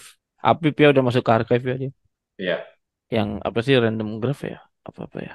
bukan yang matrix matrix something. Oh, ya Matrix. Ya, nah, ya itu pembimbingnya sama kan sama Apip. Ya, Kayak gue lagi kerja sama pembimbingnya Apip. Ya, terus gue tanya Apip, lu pas kerja sama Das Bingung gimana? Ya sama sih, dimaki abis-abisan juga katanya. ini kurang bener ini apa nulisnya? Sama juga katanya. Oh ya, hmm. maklum masih amatir. ya, Ya, cuma maksudnya orangnya apa bukan dimaki-maki gimana ya maksudnya ya ini dari mana ini gimana orangnya nice gitu cuma detail banget gila makanya bagus sih bagus Nah, ya, ya. detail bagus bagus. terus terstruktur lah mantap lah Ya, beda nggak? Soalnya soalnya kayaknya kalau ke- lu bilangnya maki-maki kesannya rude aja gitu, padahal enggak gitu. enggak maksudnya kayak maksudnya ini saya gak lihat induksinya dari mana gitu Ya, mungkin mungkin mana itu aja ya. Ter, ya apa? nggak maki-maki kamu gimana kagak lah Itu kan tip, kalau itu dosen dari negara yang lain itu. ya ya ini santai ya ini saya gak ngerti katanya ya ini dari mana gitu jelasin dengan ya gitu gitulah makanya Ya, emang ya gue juga mengerti lah gue juga masih amatir kok. Ya, ya. Cuman bagusnya itu dia dia ngejelasin gitu di mana salahnya gitu. Kadang kan kadang kan suka ada yang ini kok kamu cari sendiri salahnya. kalau udah tahu mau ngapain ke bapak atau ke ibu. Ya terus gue mikirnya kan wak- waktu itu dia nanya apa ini lu mau terusin sendiri atau mau dibenerin sama gue gitu kan. Dosennya nanya terus gue bilang ya gue sendiri ya ini kurang bagus gitu. Terus uh, belum ada nama juga kan. Ya. kalau misalnya authorship-nya bareng dia ya orang pasti ada, banyak yang lihat dia ya bisa lihat gue juga gitu. Makanya gue mikirnya adalah authorship berdua aja gitu. Maupun apa hasilnya gue yang dapat oh, dia apa kayak bagian editorial dan lain-lainnya. Tapi nggak juga sih. Dia juga ngerjain ulang kayak ini ada yang kurang jelas ya ini dari mana? Terus ada yang diubah juga sama dia. Jadi beneran dua-duanya kerja gitu. Nggak kita ya lu kerja ini gue kerja itu. Tapi ya gue kerjain semua dia kerjain semua juga gitu Oh, terus disintesis ya. Jadi jadi justru bagusan berdua gitu apa gimana? kalau menurut gue berdua satu apa bagusnya ya penulisannya jauh lebih bagus Kalau terus dia kayak kalau misalnya ntar orang lihat archive kalau misalnya nama gue doang kan belum tentu orang lihat gitu kan. ya kalau udah ada dia ya maksudnya J gua- gue-nya juga kelihatan ya faktor itunya yang faktor apa bukan fame ya apa sih namanya? ya, Ya fame juga sih fame ya sih fame fame in sense of of academia makanya. Ya, ya kayak biar ada nama dulu gitu biar orang tahu dulu oh ini kerja sama si ini gitu ya. ya oh udah udah pernah ngasilin sesuatu terus kerja sama si ini ya maksudnya bukan pernah kerja sama si ini ya gitu kalau nama gue doang orang belum tentu nyari dan lihat gitu kalau nama dia kan udah terkenal Ya ya. ya. jadinya nama gue juga kelihatan gitu Hmm, ya. ya itu juga gue pikirin dong ya mak nanti kok lu kalau postdoc kan frame lu juga ngaruh frame Betul betul. rekomendasi dan Betul lain-lain betul betul betul betul. I see. makanya sekarang cari nama dulu aja. Justru bagus sebelum PhD udah dapat nama gitu kan. Ntar PhD ada nama lagi ya bagus. Ya. ya itu udah gue pikirin dari sekarang. Mengikuti saran yang dosen orang Vietnam yang dari Kentucky ya. Sama yang itu, yang S2, yang apa yang S1 tingkat 2. Iya kayak kalau lu apa jangan mikirin kerja kalau udah dekat mau lulus pikirin dari sekarang. Iya, iya. ya katanya dia bilang kan kalau bisa dapat green card dulu gitu sebelum lulus. Udah. Nice ya terus eh, sama update terakhir ya prelim gua lulus yang analisis Ya, ada satu lagi kan? Hah? Ada satu lagi? Eh, dua lagi sih nanti Januari Oh, iya ya. ya sekarang mas ya itu sekarang persiapannya jauh gitu yang analisis gua persiapan cuma sebulan doang yang Ah. sekarang gua setengah tahun sebelum mari kita persiapkan Nice. ya mari kita lihat nanti gue jadinya ambil prelim apa ya rencananya sih aljabar sama kombin atau topologi ya tapi lihat nanti jadi Ya, ya yang analisis sudah gue kirimkan soal itu ya ada udah udah lihat gue. ya oke Oke. Masuk ke dicukupkan dulu ya. Ya. Ya udah deh. Ini update dalam empat minggu terakhir kita cukupkan dulu. Kita masuk ke bahasan utama.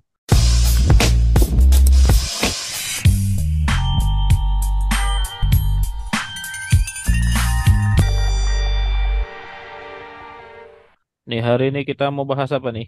Ya kita akan bahas eh, konstanta konstanta di matematika Ya, yang lumayan terkenal ya ya kita bahas konstanta konstanta bilangan-bilangan ya kalau orang bilang. Bilangan. Bedanya angka nomor sama bilangan. Kalau angka kan digit ya.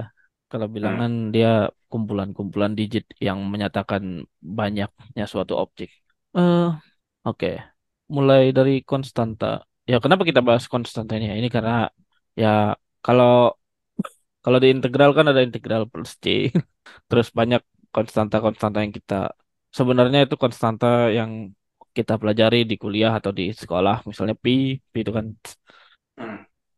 pi atau e dan lain-lain. Ini kita akan bahas beberapa konstanta di antaranya. Oke yang pertama adalah satu. Hmm. jadi ini satu juga adalah sebuah konstanta satu adalah sebuah bilangan bilangan asli yang ada di urutan pertama dan barangkali ya salah satu bilangan tertua yang ditemukan dalam sejarah peradaban manusia. Dan ya di beberapa kepercayaan satu ini menggambarkan awal permulaan atau ketuhanan. Lalu beberapa ilmuwan pada zaman dahulu seperti Nicomacheus dari Gerasa berpendapat bahwa satu itu dia agak masukin ke dalam suatu bilangan. Dia agak masuk ke dalam bilangan. Tapi dia adalah sumber satu ini adalah sumber dari bilangan lainnya. Ya, ya misalnya dua itu satu tambah satu atau tiga ya dua tambah satu gitu. Nah, Hmm. lalu kalau secara aspek matematis ya, dalam secara aspek matematis satu ini merupakan identitas perkalian dan dipandang sebagai bilangan bukan prima ataupun tapi gak bukan komposit juga. gitu. Hmm. Yakni satu ini kalau ada yang bertanya ini satu ini prima bukan? Dia agak prima, tapi apakah kalau agak prima kan orang tahunya komposit ya. Hmm. Tapi bukan komposit juga. Satu itu bukan prima, bukan komposit. Jadi ini ada kategorisasi lainnya, yakni satu ini disebut unit. Hmm. Ya kalau unit di di teori ring kan berarti sesuatu yang punya inverse perkalian ya. Ya.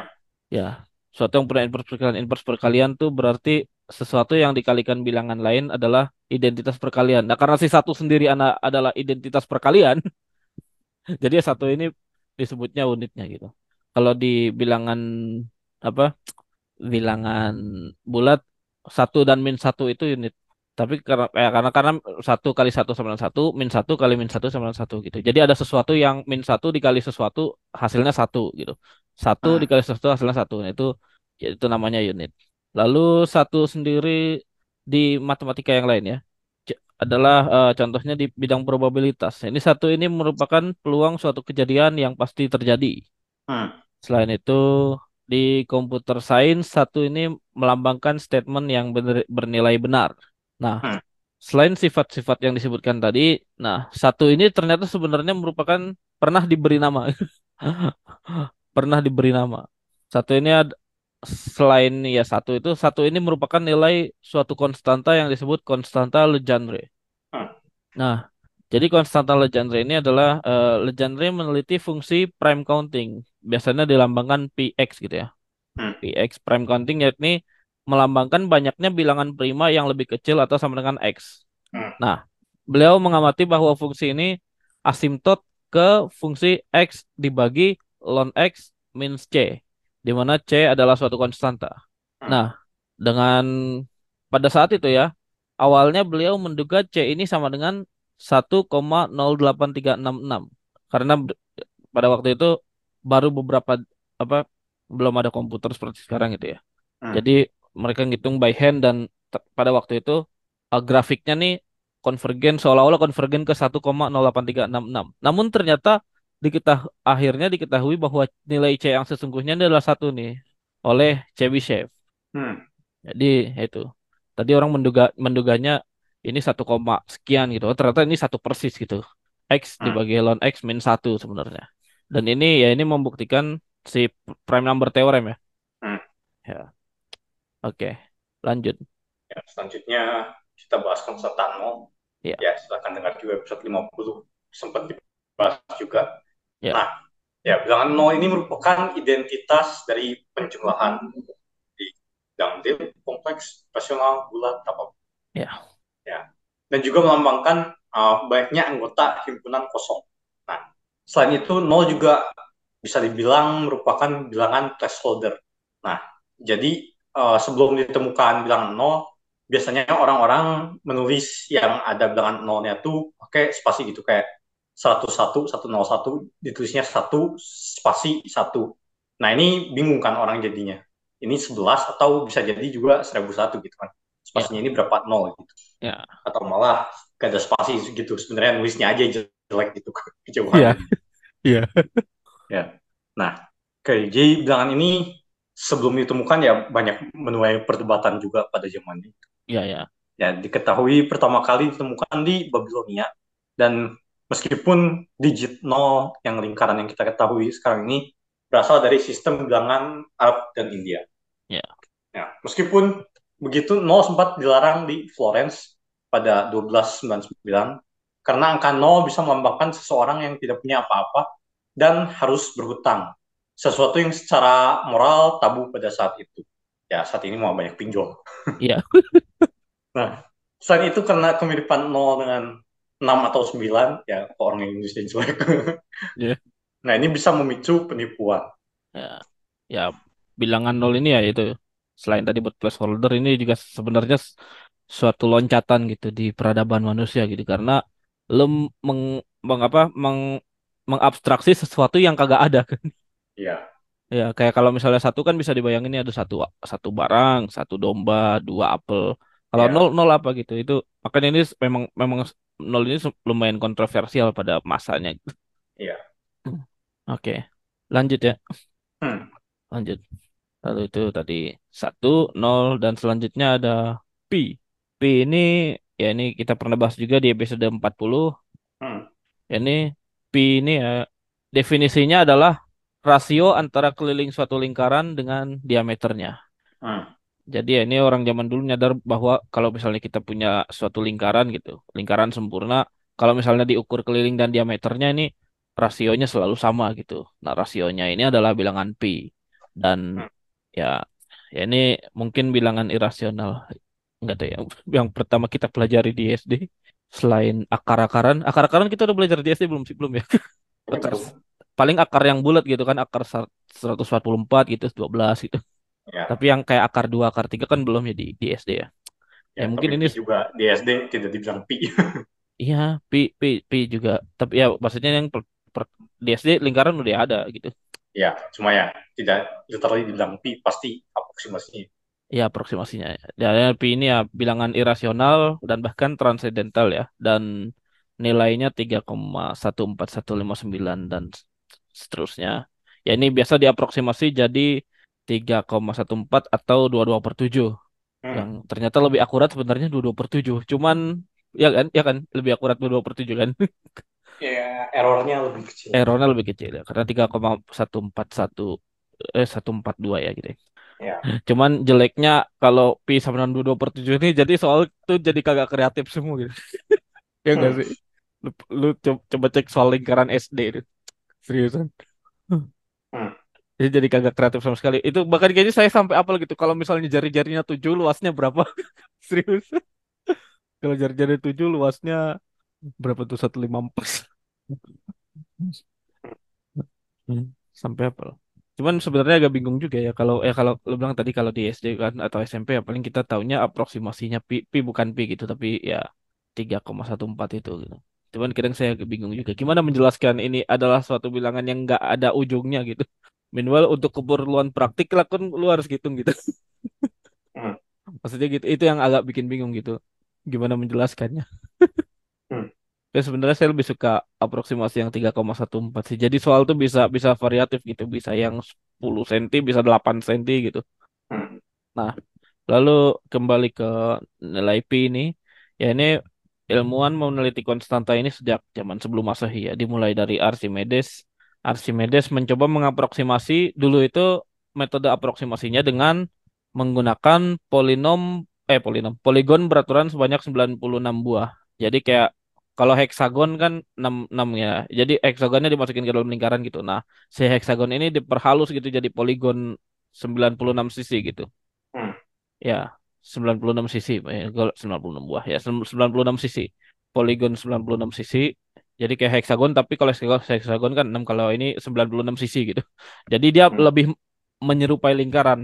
Lalu dihitunglah si kelilingnya dari situ di dihitung dengan rasio diameternya.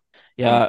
pada saat itu ya eh, mainannya masih gitu aja gitu. Ada yang jadi se- 96 sisi lalu 200-an sisi, ratusan sisi, ribuan sisi gitu. Tapi masih berkutat di seputar menghitung aproksimasi nilai P ini dengan poligon aja gitu. Hmm. Nah, lalu ya akhirnya game changernya nih ada dari kalkulus. Hmm. Kalkulus dan Dereta Hingga nih. Jadi kita bisa menghitung penghitungan digit-digit pi dengan akurasi yang lebih baik dan konvergen ke nilai sesungguhnya lebih cepat. Hmm. Ya. Dan pi sendiri ini ya bahkan diperingati sendiri terutama di kal- kalangan matematikawan ya. Atau akun-akun matematika ini sebagai Pi Day yang diperingati pada 14 Maret ya karena 3 3 14 kan. Ya. Lalu nah ada bilangan ini punya saudara yakni tau. Tau ini nilainya adalah 2 pi, dua kalinya pi dan ini merupakan rasio antara keliling lingkaran dengan jari-jarinya. Hmm. Yang ada juga tahu deh. Tahu deh juga ada berarti 628 ya. Lah, tapi ternyata tahu ulang tahunnya bukan 628 gimana? Ya gimana ya gak tahu. Itu gak tahu saya. Ya. Gak tahu kalau itu gak tahu. Oke lanjut lanjut. Hmm, Oke. Nah, kita lanjut ke bilangan E.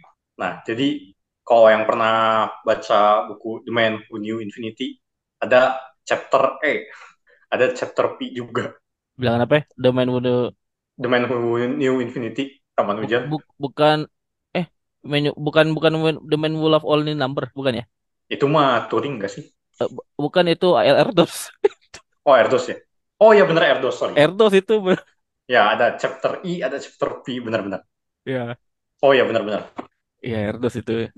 Ah, Man Who Love Only Numbers. Ya. Ya. Oh ya, sebelum lanjut ke E juga, tadi bilangan nol apa dilarang di Florence. Iya. Terus kalau di Indo biasanya apa tidak ada lantai 4 13. Ya tidak ada lah. Ya kalau itu kan kita bahas yang di mitos-mitos itu ya kalau itu ya. Ya, di Vietnam ada lantai 4. Ada lantai 4, ada lantai. Ya. Di Italia ada nggak lantai 17 tuh? Nggak pernah ke gedung yang setinggi itu ya. ya nggak tahu kalau di gedung umum yang lebih tinggi ada nggak ya lantai 13. Iya ya. Cuma lantai 4 ada. Iya ya. Tapi kenapa tidak ada lantai E? Padahal lantai gue juga lantai palsu gitu.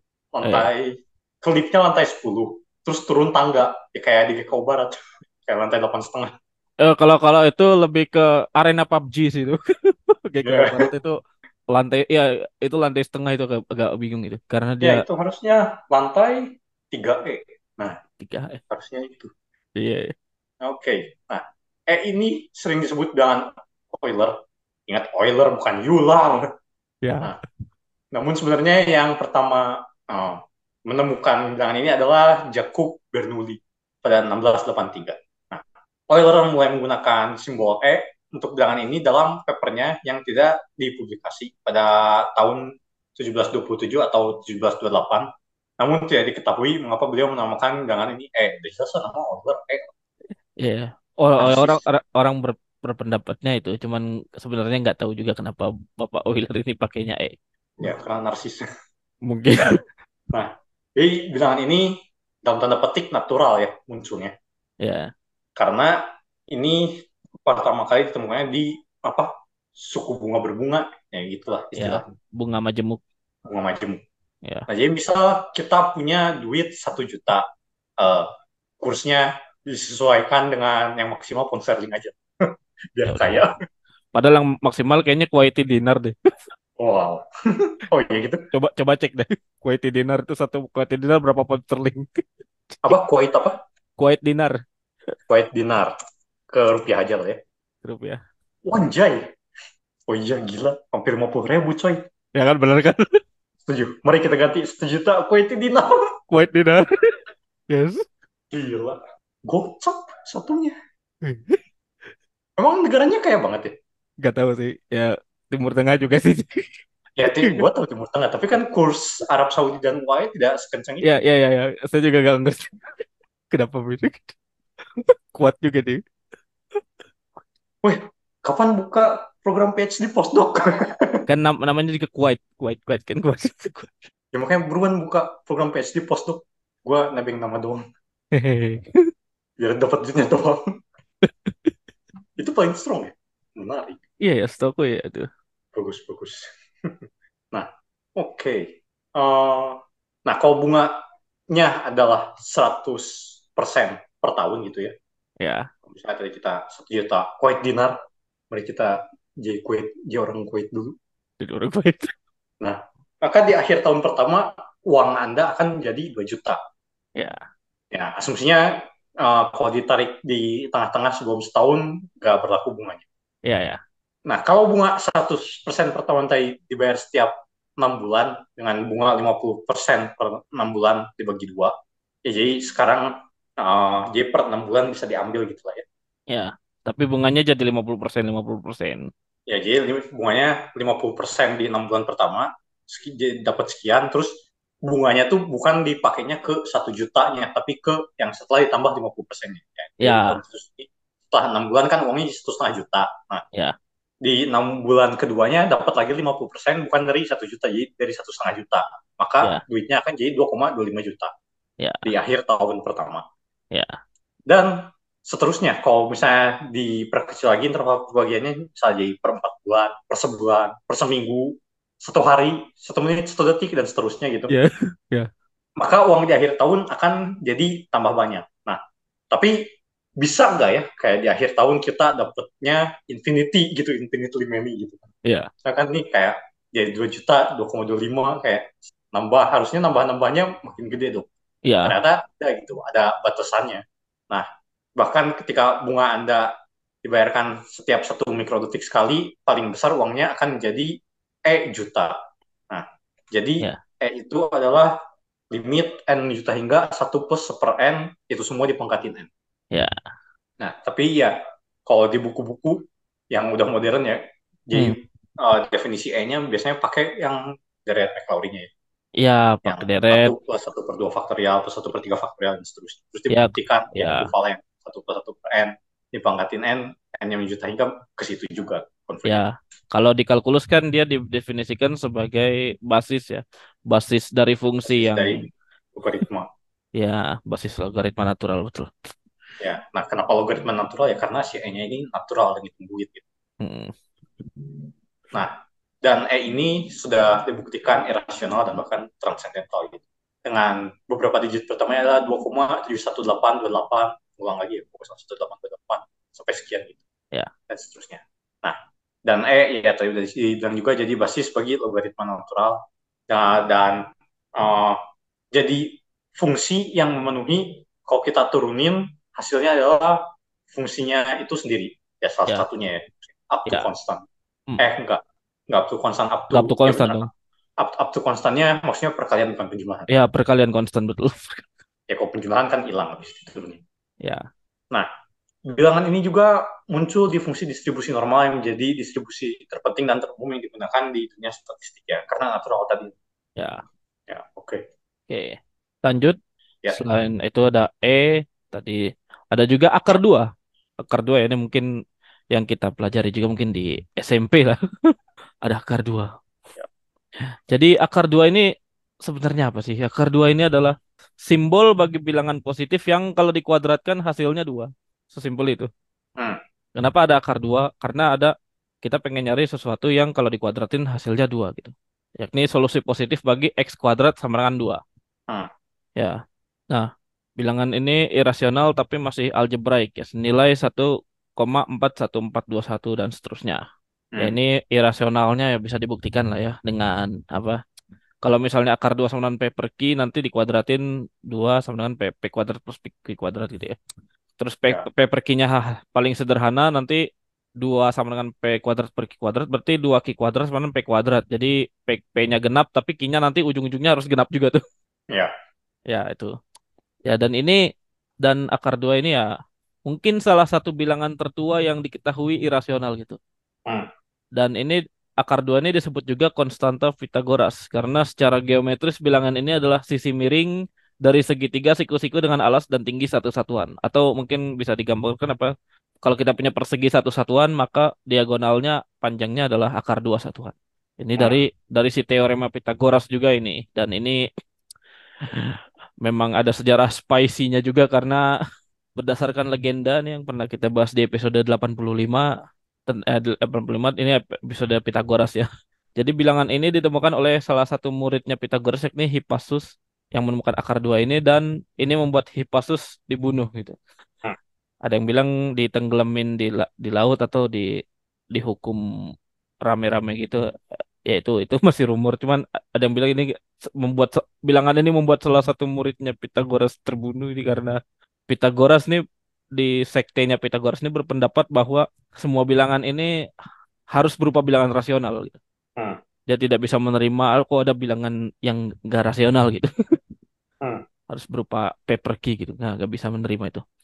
Lalu, nah, ini salah satu aplikasi dari akar dua sendiri ini contohnya digunakan pada ukuran kertas, ukuran kertas A0, A1 dan selanjutnya. Tahu kan kalau yang Hmm. kita biasa pakai kan A4 ya. Ya. A4. Nah, lah, lalu ukuran panjang banding lebarnya nih dari kertas-kertas A0, A1 itu adalah akar 2 banding 1 dan A0 yang paling lebarnya. A0 yang paling besar yakni 841 kali 1189 mm.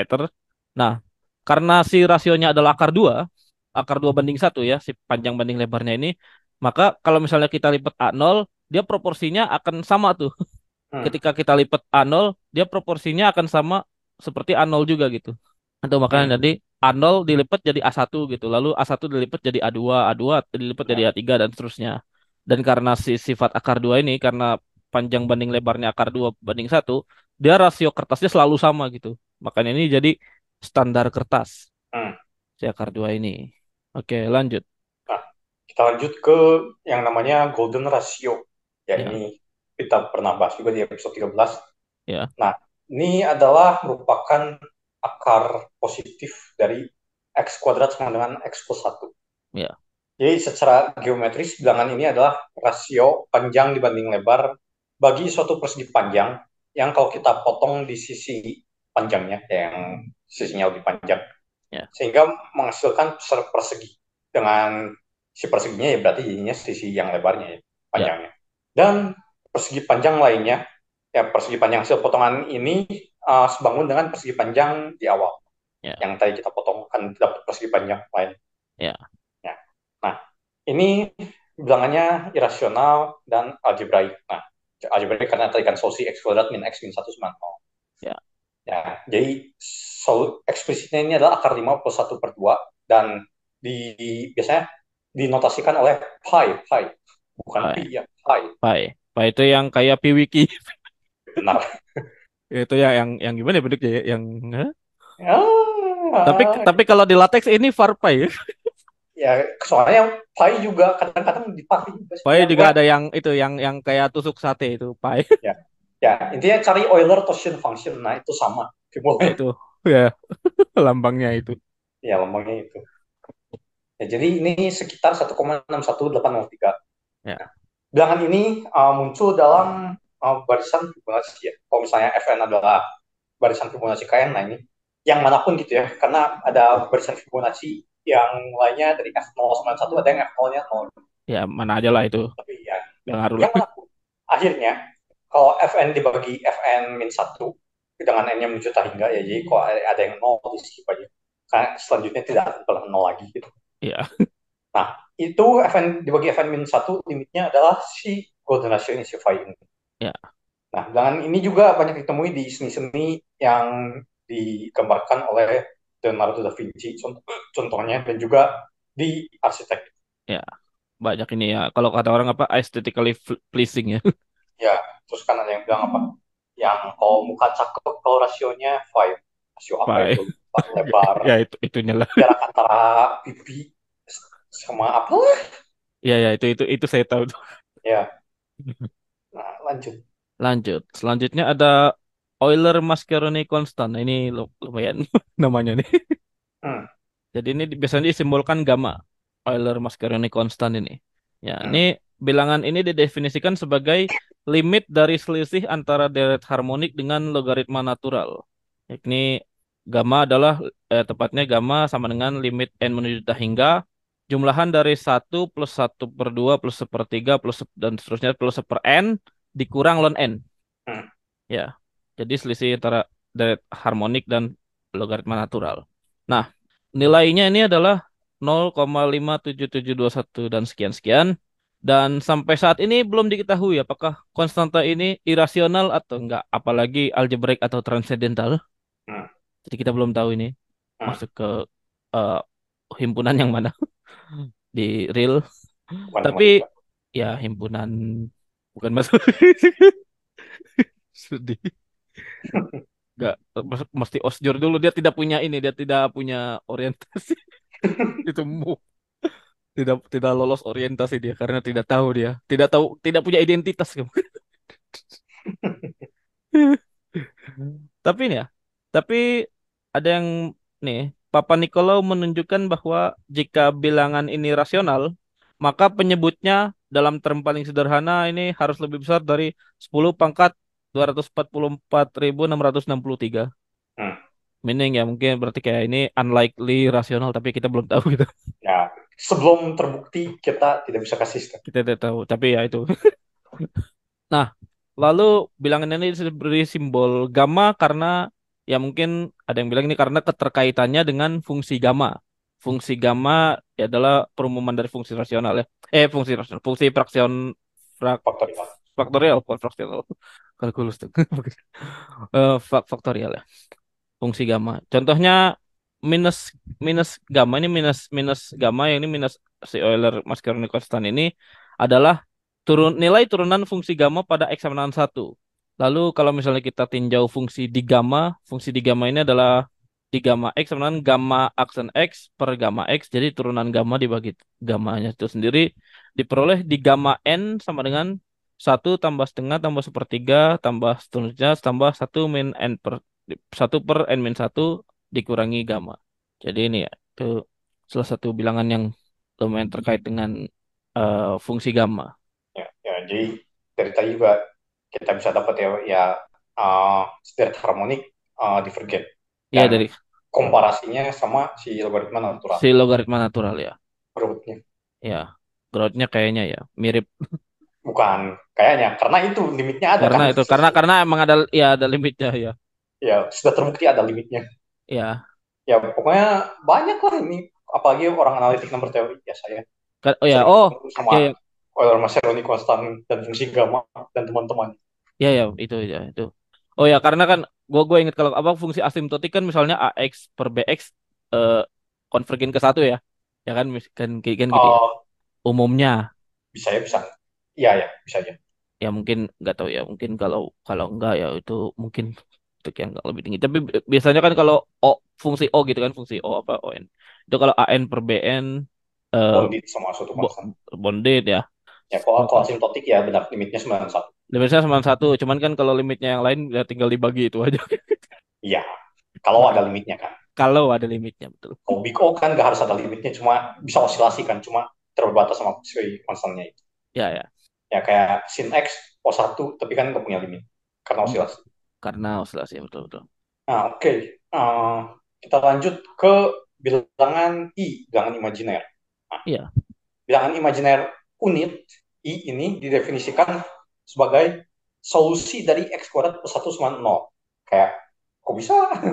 Dari mana gitu? Ya, kalau misalnya belajar teori Galois, eh, dibuktikan kalau semua lapangan punya algebraic closure. Ya, algebraic closure artinya semua persamaan polinomial punya solusi di algebraic closure. Ya.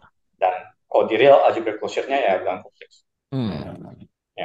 Nah, jadi bilangan ini juga sempat kita bahas ya pas bahas uh, bilangan kompleks ya. Ya. Jadi di episode 35 ini munculnya gara-gara duel dalam tanda petik bukan duelnya Galois Iya ya. antara Girolamo Cardano yang mempublikasikan bilangan yang menjadi rahasia matematikawan abad tersebut untuk menghitung apa solusi polinomial pangkat 3 Ya kubik kubik. dalam radikalnya. Ya radikal artinya dalam koefisiennya tadi plus minus kurang bagi akar, tapi nggak Ya. boleh lebih dari itu. Ya. Nah, hingga Rafael Bombelli, Bom- ya Bombelli, mengestablishkan aturan-aturan tentang penghitungan bilangan kompleks. Nah, Ya. notasi I, I sendiri dipopulerkan oleh Euler lagi. Alur. Dan kalau misalnya anda apa anak engineer biasanya pakainya J. J ya atau anak kelistrikan ya. Iya, Soalnya. I, I dipakai yang lain biasanya gitu. Iya.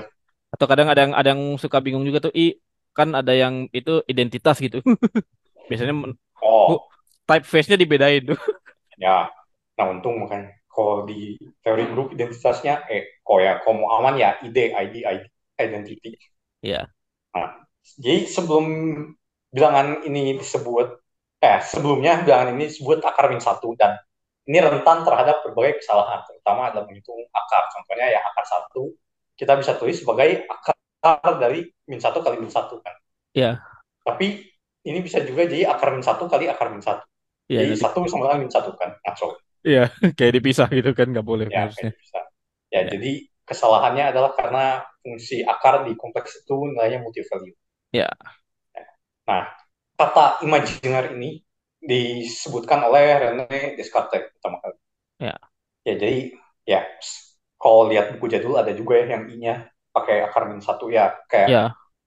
Apa kalau pas ngikutin bukunya ya silakan ikutin bukunya gitu. Tapi kayak di mindset pikirannya ya bukan akar min satu. Kayak I Ya. adalah solusi sehingga I kuadrat dengan min satu gitu. Ya. Ya bisa jadi akar min satu atau bisa jadi minusnya nggak tahu. Ya.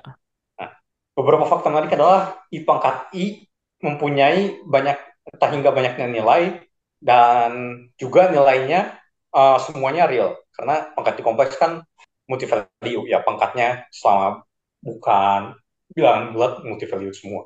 Ya. Nah, Tapi itu I pangkat juga- I jadi real gitu. Maksudnya itu Jadi- menariknya itu. ya itu menariknya juga imajiner pangkat imajiner malah real. Terus Iya. realnya entah hingga banyaknya gitu. Ya. Nah, terus juga kita pernah bahas salah satu uh, persamaan yang disukai banyak matematikawan adalah E pangkat IP plus 1 sama 0. Nah, ini disebut identitas Euler. Dan kita bahasnya di episode 7. Ya. Episode Ya. sebelum COVID Benar. Eh, Episodenya Iya. makanya terbitnya udah COVID. F, episode-nya tayangnya udah COVID, cuman kita rekamannya sebelum Rekamannya sebelum persis COVID. persis sebelum COVID itu. Ya. Iya. Ya, jadi ya tergantung sih. Kalau Cedric Villani katanya paling suka persamaan Boltzmann, ya kerjaan di situ. Ya, ya, wajar wajar. Oke, lanjut. Ya itu. Itu kalau kenapa tadi oh ya tadi kenapa I, E pangkat IP plus 1 sama 0 gitu. Karena ya Oh, itu Karena secara umum E pangkat IX sebenarnya cos X plus I sin X. Ya. Nah itu pakai dari Taylor kelarin. dari Taylornya bisa itu nanti kan yang kalau kan i kuadrat jadi min satu i kuadrat i, i pangkat 4 jadi satu jadi yang ganjilnya adalah sin i sin genapnya jadi cos gitu Ya. ya oke lanjut ya Hmm. oke selanjutnya ada aperi konstan A- Hmm. APERY konstan dan ini bilangan ini didefinisikan sebagai zeta 3 ya zeta adalah fungsi zeta Riemann zeta yakni jumlahan dari 1 per n pangkat 3 dari n sam 1 sampai tak hingga. Hmm. Ya, jadi ini adalah 1 per 1 pangkat 3 tambah 1 per 2 pangkat 3 tambah 1 per 3 pangkat 3 dan seterusnya. Hmm. Nah, bilangan ini se- adalah senilai 1,20205 dan ini kalau di kalkulus ini kan deret P yang P-nya sama dengan 3 kan berarti konvergen kan ini ya. Hmm. Kita tahu ini konvergen dan nilainya yaitu 1,20205 dan seterusnya dan ini merupakan bilangan irasional yang yang membuktikan bilangan ira- ini irasional adalah eh, Roger Aperi pada 1978. Makanya ini dinamai Aperi konstan. Tapi eh, ya ini belum diketahui apakah transendental atau tidak dan ya ini kan kalau dan yang ini kan kalau apa si Riemann zeta kan kalau si Euler kan apa yang eh, bentuknya zeta 2 zeta 2 kan pi kuadrat per 6 ya? Apa 6 per pi kuadrat pi kuadrat per 6 kan? Hmm. nah zeta 2 kan pi kuadrat per 6 terus zeta 4 adalah pi pangkat 4 per 180 atau ya segitu kan. Dia zeta pangkat genap ini ada bentuk eksplisitnya gitu ada ada pi-nya di situ kan. Ya, Ya. Kalau ini kalau pangkat ga, apa kalau zeta zeta ganjil gak gak ada bentuk ininya nih gak ada bentuk ekspresinya makanya di- dinyatakan aja ya ini disebut konstanta Peri gitu zeta zeta 3 gitu. Ya. Ya. Lalu selanjutnya Fritz Boykers Fritz Fritz Boykers ini menemukan bukti yang lebih simpel bagi irasionalitas bilangan Aperi dengan menggunakan integral lipat tiga berikut ini yakni zeta 3 sama dengan integral dari 0 sampai 1, integral dari 0 sampai 1, integral dari 0 sampai 1, 1 per 1 min XYZ dx dy dz. Ini ini pernah jadi soal qualifying exam di gua. Hah? Seriusan. Soal apa? qualifying exam kalkulus itu gua pernah bukan bukan bukan gua, bukan tahun gua, tahun sebelumnya. bisa menghitung integralnya. Bukan ngitung nilainya tapi buktikan bahwa si in- dub- triple integral ini sama dengan aperi konstan apa sama dengan 1 per n pangkat 3 jumlahan 1 per n pangkat 3 gitu. Ah, tapi kan kalkulus lu gak harus ini konvergensi kan. Kayak Iya, ya, tinggal deret aja. Sebenarnya ya sebenarnya pa- pakai deret aja gitu. Cuman ini kalau misalnya gitu apakah harus ada step yang di, dilepas gitu? Ah, ada interchange sum sama Interchange. integralnya. Ya, itu kan perlu perlu apa Fubini ya? Kalau ya, iya. Fubini apa apa tuh? Eh, ya Fubini. benar-benar. Ya kan. Cuman kayaknya waktu itu pada ngerjainnya udah langsung deret aja udah. Iya, soalnya kan kalau di tempatnya Kiki tidak segitunya ya. Ya Di mungkin ya. kan, apa rigornya Iya ya. buat kalkulusnya. Kayak ya sum integral ganti aja kok. Ya, cuman ya ini menarik ya. Jadi si Aperi konstan ini ya satu per n jumlahan satu per n pangkat tiga ini sama dengan triple integral gitu dari 01 01 01 1 per 1 min x y z di dx dy dz. Nah itu itu menarik itu menurut gue. Lalu inverse perkaliannya nih jadi satu per eh, Aperi konstan satu per zeta 3 ini merupakan peluang ketika dipilih sebarang tiga bilangan asli maka ketiga bilangan ini relatif prima dan ini relatif primanya relatif prima kolektif ya Hmm, bukan pairwise dua-dua. bukan pairwise ya nggak harus pairwise tapi kolektif aja Hmm. jadi secara umum kalau ya sebarang n bilangan asli peluang ke n bilangan tersebut relatif prima ya satu per zeta n Hmm. ya oke lanjut Oke, ya jadi kamu yang coba juga zeta 5 irasional. ya zeta 5 Oke, jadi kita punya uh, namanya Liouville constant. Ya. Jadi kalau yang pernah belajar analisis kompleks teorema Liouville ini orang yang sama. Ya. Jadi Liouville konstan didefinisikan sebagai jumlahan dari K sama dengan 1 sampai T hingga 1 per 10 pangkat K faktorial. Jadi Ya. suku-sukunya adalah 1 per 10 pangkat 1 tambah 10 per eh 1 per 10 pangkat 2 tambah 1 per 10 pangkat 6 tambah 1 per 10 pangkat 24 tambah 1 per 10 pangkat 5 faktorial dan seterusnya. Ya. Nah, jadi beberapa digit pertamanya adalah 0,11000 1000 dan seterusnya gitu. Ya. Pokoknya satunya akan muncul somewhere dan makin jarang. Ya, satunya satunya muncul di tempat ke K faktorial. Ke K faktorial. Ya. Dan sisanya 0. Ya. Nah, jadi secara umum bilangan yang berbentuk uh, penjumlahan K sama dengan 1 sampai hingga AK, AK ini barisannya, barisan Ya. bilangan, dibagi B pangkat K faktorial, Ya. uh, di mana AK adalah uh, barisan bilangan tadi yang uh, dibatasi antara 0 sampai B-1. Ya. Dan banyaknya 0 di AK uh, tidak tak hingga. Jadi tidak, kalau banyaknya 0 di AK tak hingga kan berarti terbatas gitu ya. Ber- Ya. si deretnya. Ya. Jadinya bilangan rasional juga ujung-ujungnya. Gitu. Ya bisa Jadi maksudnya rasional. bilangannya bilangan irasional gitu. Ya. kayaknya. Nah, jadi bilangan-bilangan yang demikian disebut bilangan Liouville atau Liouville constant dan memenuhi kriteria berikut. Untuk setiap bilangan asli n pasti ada pasangan bilangan asli p dan q, q-nya lebih dari satu, sedemikian sehingga uh, jarak antara x dengan p per q ini kurang dari satu per q pangkat n. Kayak ini diaproksimasinya sangat-sangat bagus lah ya, oleh bilangan rasional. Hmm. Jadi bilangan-bilangan yang memenuhi kriteria tersebut uh, selalu irasional.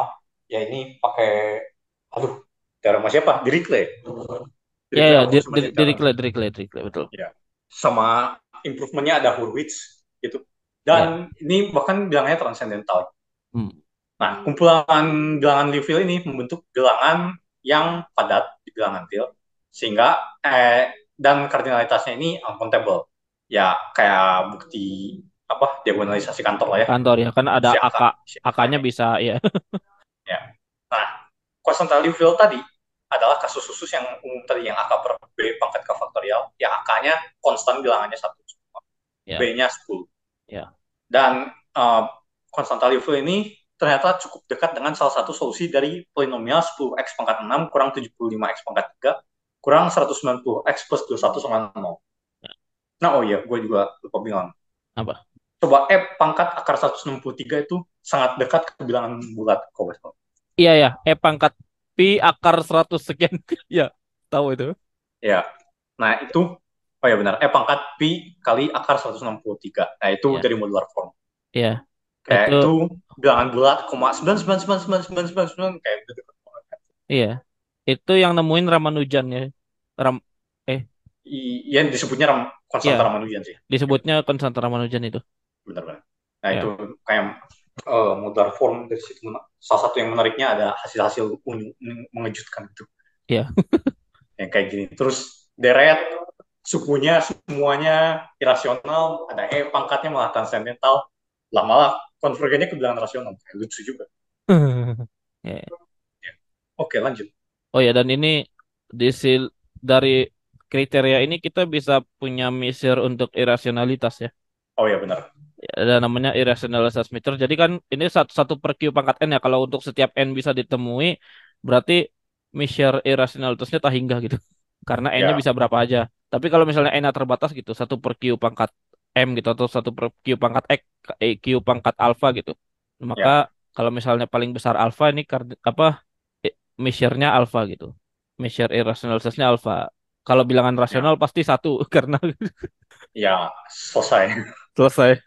Terus kalau irasional minimal dua dari si Dirichlet. ya dari. Eh, Iya.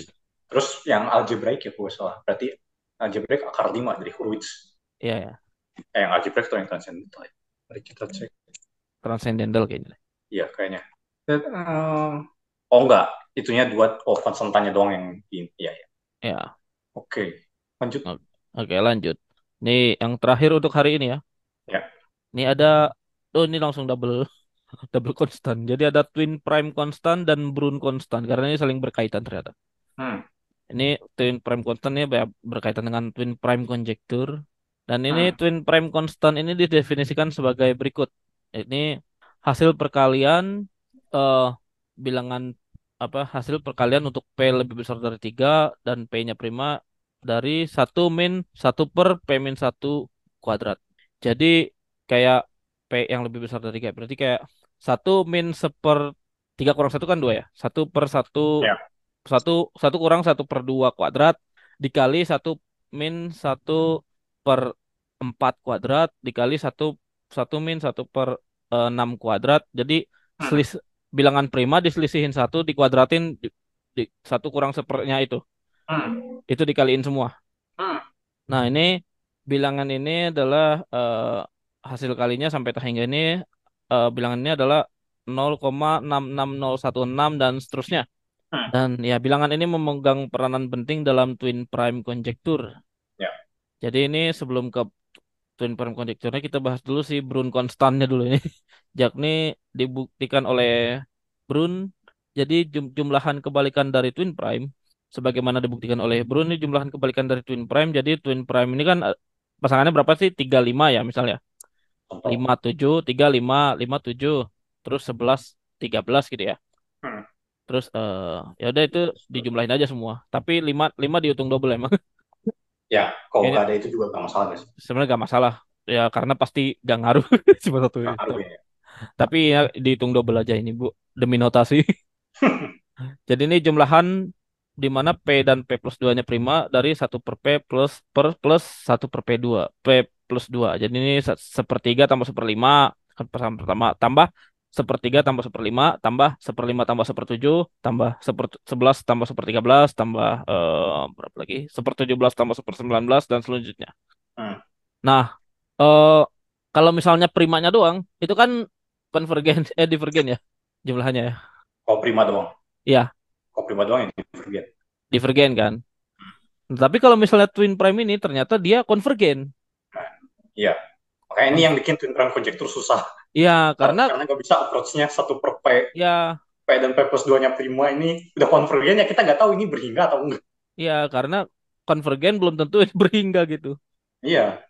Ya, Kalau misalnya divergen kan pasti tak hingga gitu. kalau misalnya kalau prima doang kan satu per seperdua setengah plus sepertiga seperlima dan seterusnya kan ini eh Terbukti divergen ter- gitu. terbukti divergen gitu. Ya, sama Euler yang buktiin. Nah, yang bukti lain ada tak hingga banyaknya prima. Eh, ya itu. Ya kan kalau divergen ya udah berarti ada tak Ya berarti Sekarang banyak kalau gitu. divergen mahal. Kita nggak tahu ya. Ya. karena karena karena bisa jadi bisa aja tak hingga tapi konvergen kan. Kalau hingga Iya. jelas konvergen gitu. Kalau hingga kalau ternyata hi- hingga ya konvergen wajar gitu. Hmm. Ya gitu kalau kalau konvergen tapi jelas iras, jelas rasional sih kalau misalnya hingga ya. Ya kan ini kita juga Kita kita nggak tahu, tahu. tidak tahu ini rasional atau tidak gitu. Da- tapi kalau hingga kan jelas konvergen. Tapi kalau misalnya kalau misalnya twin prime-nya nih tak hingga belum tentu nggak- belum tentu iya ya kalau misalnya konvergen belum tentu itu hingga gitu. Jadi ya Hmm. ini si jumlahan bilangan prima kembar ini konvergen ke suatu bilangan yang disebut Brun konstan yakni 1,90216 dan seterusnya. Nah, konvergensi ini diperoleh dari batas atas fungsi counting twin prime. Kalau tadi kan fungsi counting prime kan Px gitu ya. Kalau ini Hmm. notasinya P2x gitu. Duanya sa- subscript P2x. Yakni ya banyaknya pasangan prima kembar yang kurang dari x. Nah, secara khusus nih P, P2x ini memiliki order 8 C2x per log x kuadrat. Nah, C2 ini tadi twin prime constant. Eh jadi 8 C2x dibagi log x kuadrat dikali ini semuanya dikali 1 plus O fungsi yang ordernya log log x per log x gitu. Hmm. Jadi Ini dia roughly Bukan Ya. log. Eh, ya, benar. lognya lon ya. Enggak maksudnya ya. Gak usah dikurungin juga bisa sih. Ya ya. Ya log log X aja. Udah standar. Ya itu. Ya. Hmm. Dengan C2 ini tadi twin prime konjektur. Nah, Twin prime constant. twin prime konstan.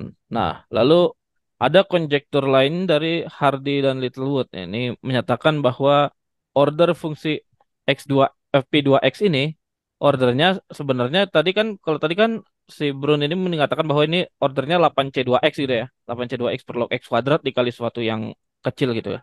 Dikali satu ya apa? Bond, bonded di atas. ya bonded di atas dengan satu plus suatu yang ordernya log log x gitu ya. Nah, kalau Hardy sama Littlewood nih menyatakan bahwa order fungsinya ini adalah eh, 2C2X per log X kuadrat. Hmm. Dan ini adalah kasus lebih umum dari prime number theorem, yang mana kalau misalnya ini terbukti, si conjecture terbukti, maka twin prime conjecture juga terbukti. Gitu. Ya, ya, jelas. Kan Ya. Ya. Oke. Oh, Terus yang twin prime constant tadi, eh, ini kasus khusus dari apa ya, yang kalau di number theory banyak eh, singular series namanya. Ya. Ya singular series bentuknya yang gini, perkalian prima satu kurang sekian lah fungsi dalam prima. Ya. Tergantung si shift metodenya dapatnya apa. Ini Oh kan iya iya, ini shift shift method method. Ya, terus yang menarik yang Brun juga buktiin jumlahan satu per P dengan P dan P plus 2-nya prima, konvergen pakai shift method. Hmm. pakai si ordernya tadi pakai shift method. Ya. Ya, terus itu cuma butuh batas atas doang. Ya, ini big O kan batas atas kan, Hmm, bukan ya. batas bawah. Yang Ya. bawah apa sih omega ya? Oh, salah simbolnya. Ya, ya. Small O apa ya? Saya ya itulah. Enggak, enggak. Yang batas bawah omega. Big Omega. Oh, mungkin. Ya. Big Theta apa? Lupa. Theta mah big O sekaligus big omega. Oh iya ya, itu itu batas kerasnya ya itu ya. Ya. Nah, Kalau udah pasti jadi- itu Big Theta. Ya. jadi big O tuh kadang simbolnya pakai eh, kurang dari kurang dari double kurang dari.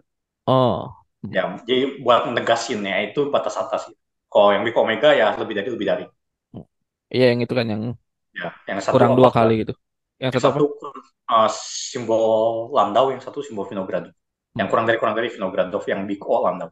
Ya. Nah, ya. Nah, jadi singular series eh ya, twin prime constant ini dapat dari singular series ya pakai uh, shift method. Ya. Terus yang tadi uh, Hardy-Littlewood conjecture ada conjecture yang umumnya yang gue lupa pernah bilang nggak ya? Jadi Ya. punya admissible tuple ada tak hingga banyaknya prima di uh, shifting admissible tuple Kayaknya pernah lupa. Ya, jadi uh, misal uh, A1 sampai AK adalah himpunan bilangan pasti atau bulat. Nah, si himpunan itu disebut admissible kalau lu residu modulo P prima, primanya mana pun, nggak bakal ngisi si residunya. Jadi pasti ada residu yang kumis. Ya. Ya, kayaknya pernah bahas deh. Eh pernah pernah. pernah. Ya, nah, Hardy-Littlewood Connector bilang setiap admissible tuple berapapun uh, kalimat simpunannya kan tadi A1 sampai K, AK gitu. Kalau K-nya lebih besar sama 2, admissible, maka ada hingga banyaknya bilangan asli N, sehingga N plus si himpunan itu isinya prima semua. Ya. Nah, ya makanya eh, twin prime conjecture ya, kalau si admissible tuple-nya 0 sama 2. Hmm. Ya, 0 sama 2 kan terus ditranslatekan. Ya. Ya, begitu. Ya. Kayak ada lagi. Kalau saya yang yang saya tahu pasti kalau triple prime conjecture itu sudah terbukti ti- sampai tahi, sampai berhingga doang. Triple prime conjecture apa? Yang P P plus 2 P plus 4. Ya itu mau jelas salah lah. Salah satu pasti 0 modulo 3. Iya betul. Cuma 357 doang. Iya, karena ada tiganya. Iya. Sisanya pasti ada kelipatan 3. Iya ya. Oke. Ada lagi? Oh, udah dulu ya. Udah dulu ya. Ini seri konstanta. Kayaknya menarik juga. Banyak banyak konstanta. Kalau tadi kayaknya banyak yang kita udah familiar ya. Yang dipakai sehari-hari atau at least di matematika yang umum gitu. Ya Cuma mungkin di akhir-akhir kita akhir-akhir kenalkan ada beberapa konstanta yang terkenal di matomnya. Cuma mungkin kalau tidak sampai situ belajarnya kurang tahu. ya ya nggak apa-apa. Maksudnya itu men- menarik gitu. Ya mungkin kapan-kapan kita bahas lagi konstanta-konstanta lain menarik soalnya. Oke, dicukupkan dulu ya untuk hari ini. Ya. Untuk episode kali ini ya seperti biasa kalau misalnya kalian suka konten-konten matematika seperti ini bisa di follow di Twitter @bebaslinear, di Instagram @podcastbebaslinear dan di share juga ke teman-teman kalian dan oh ya kita juga sudah ada di Noise ya. Ya.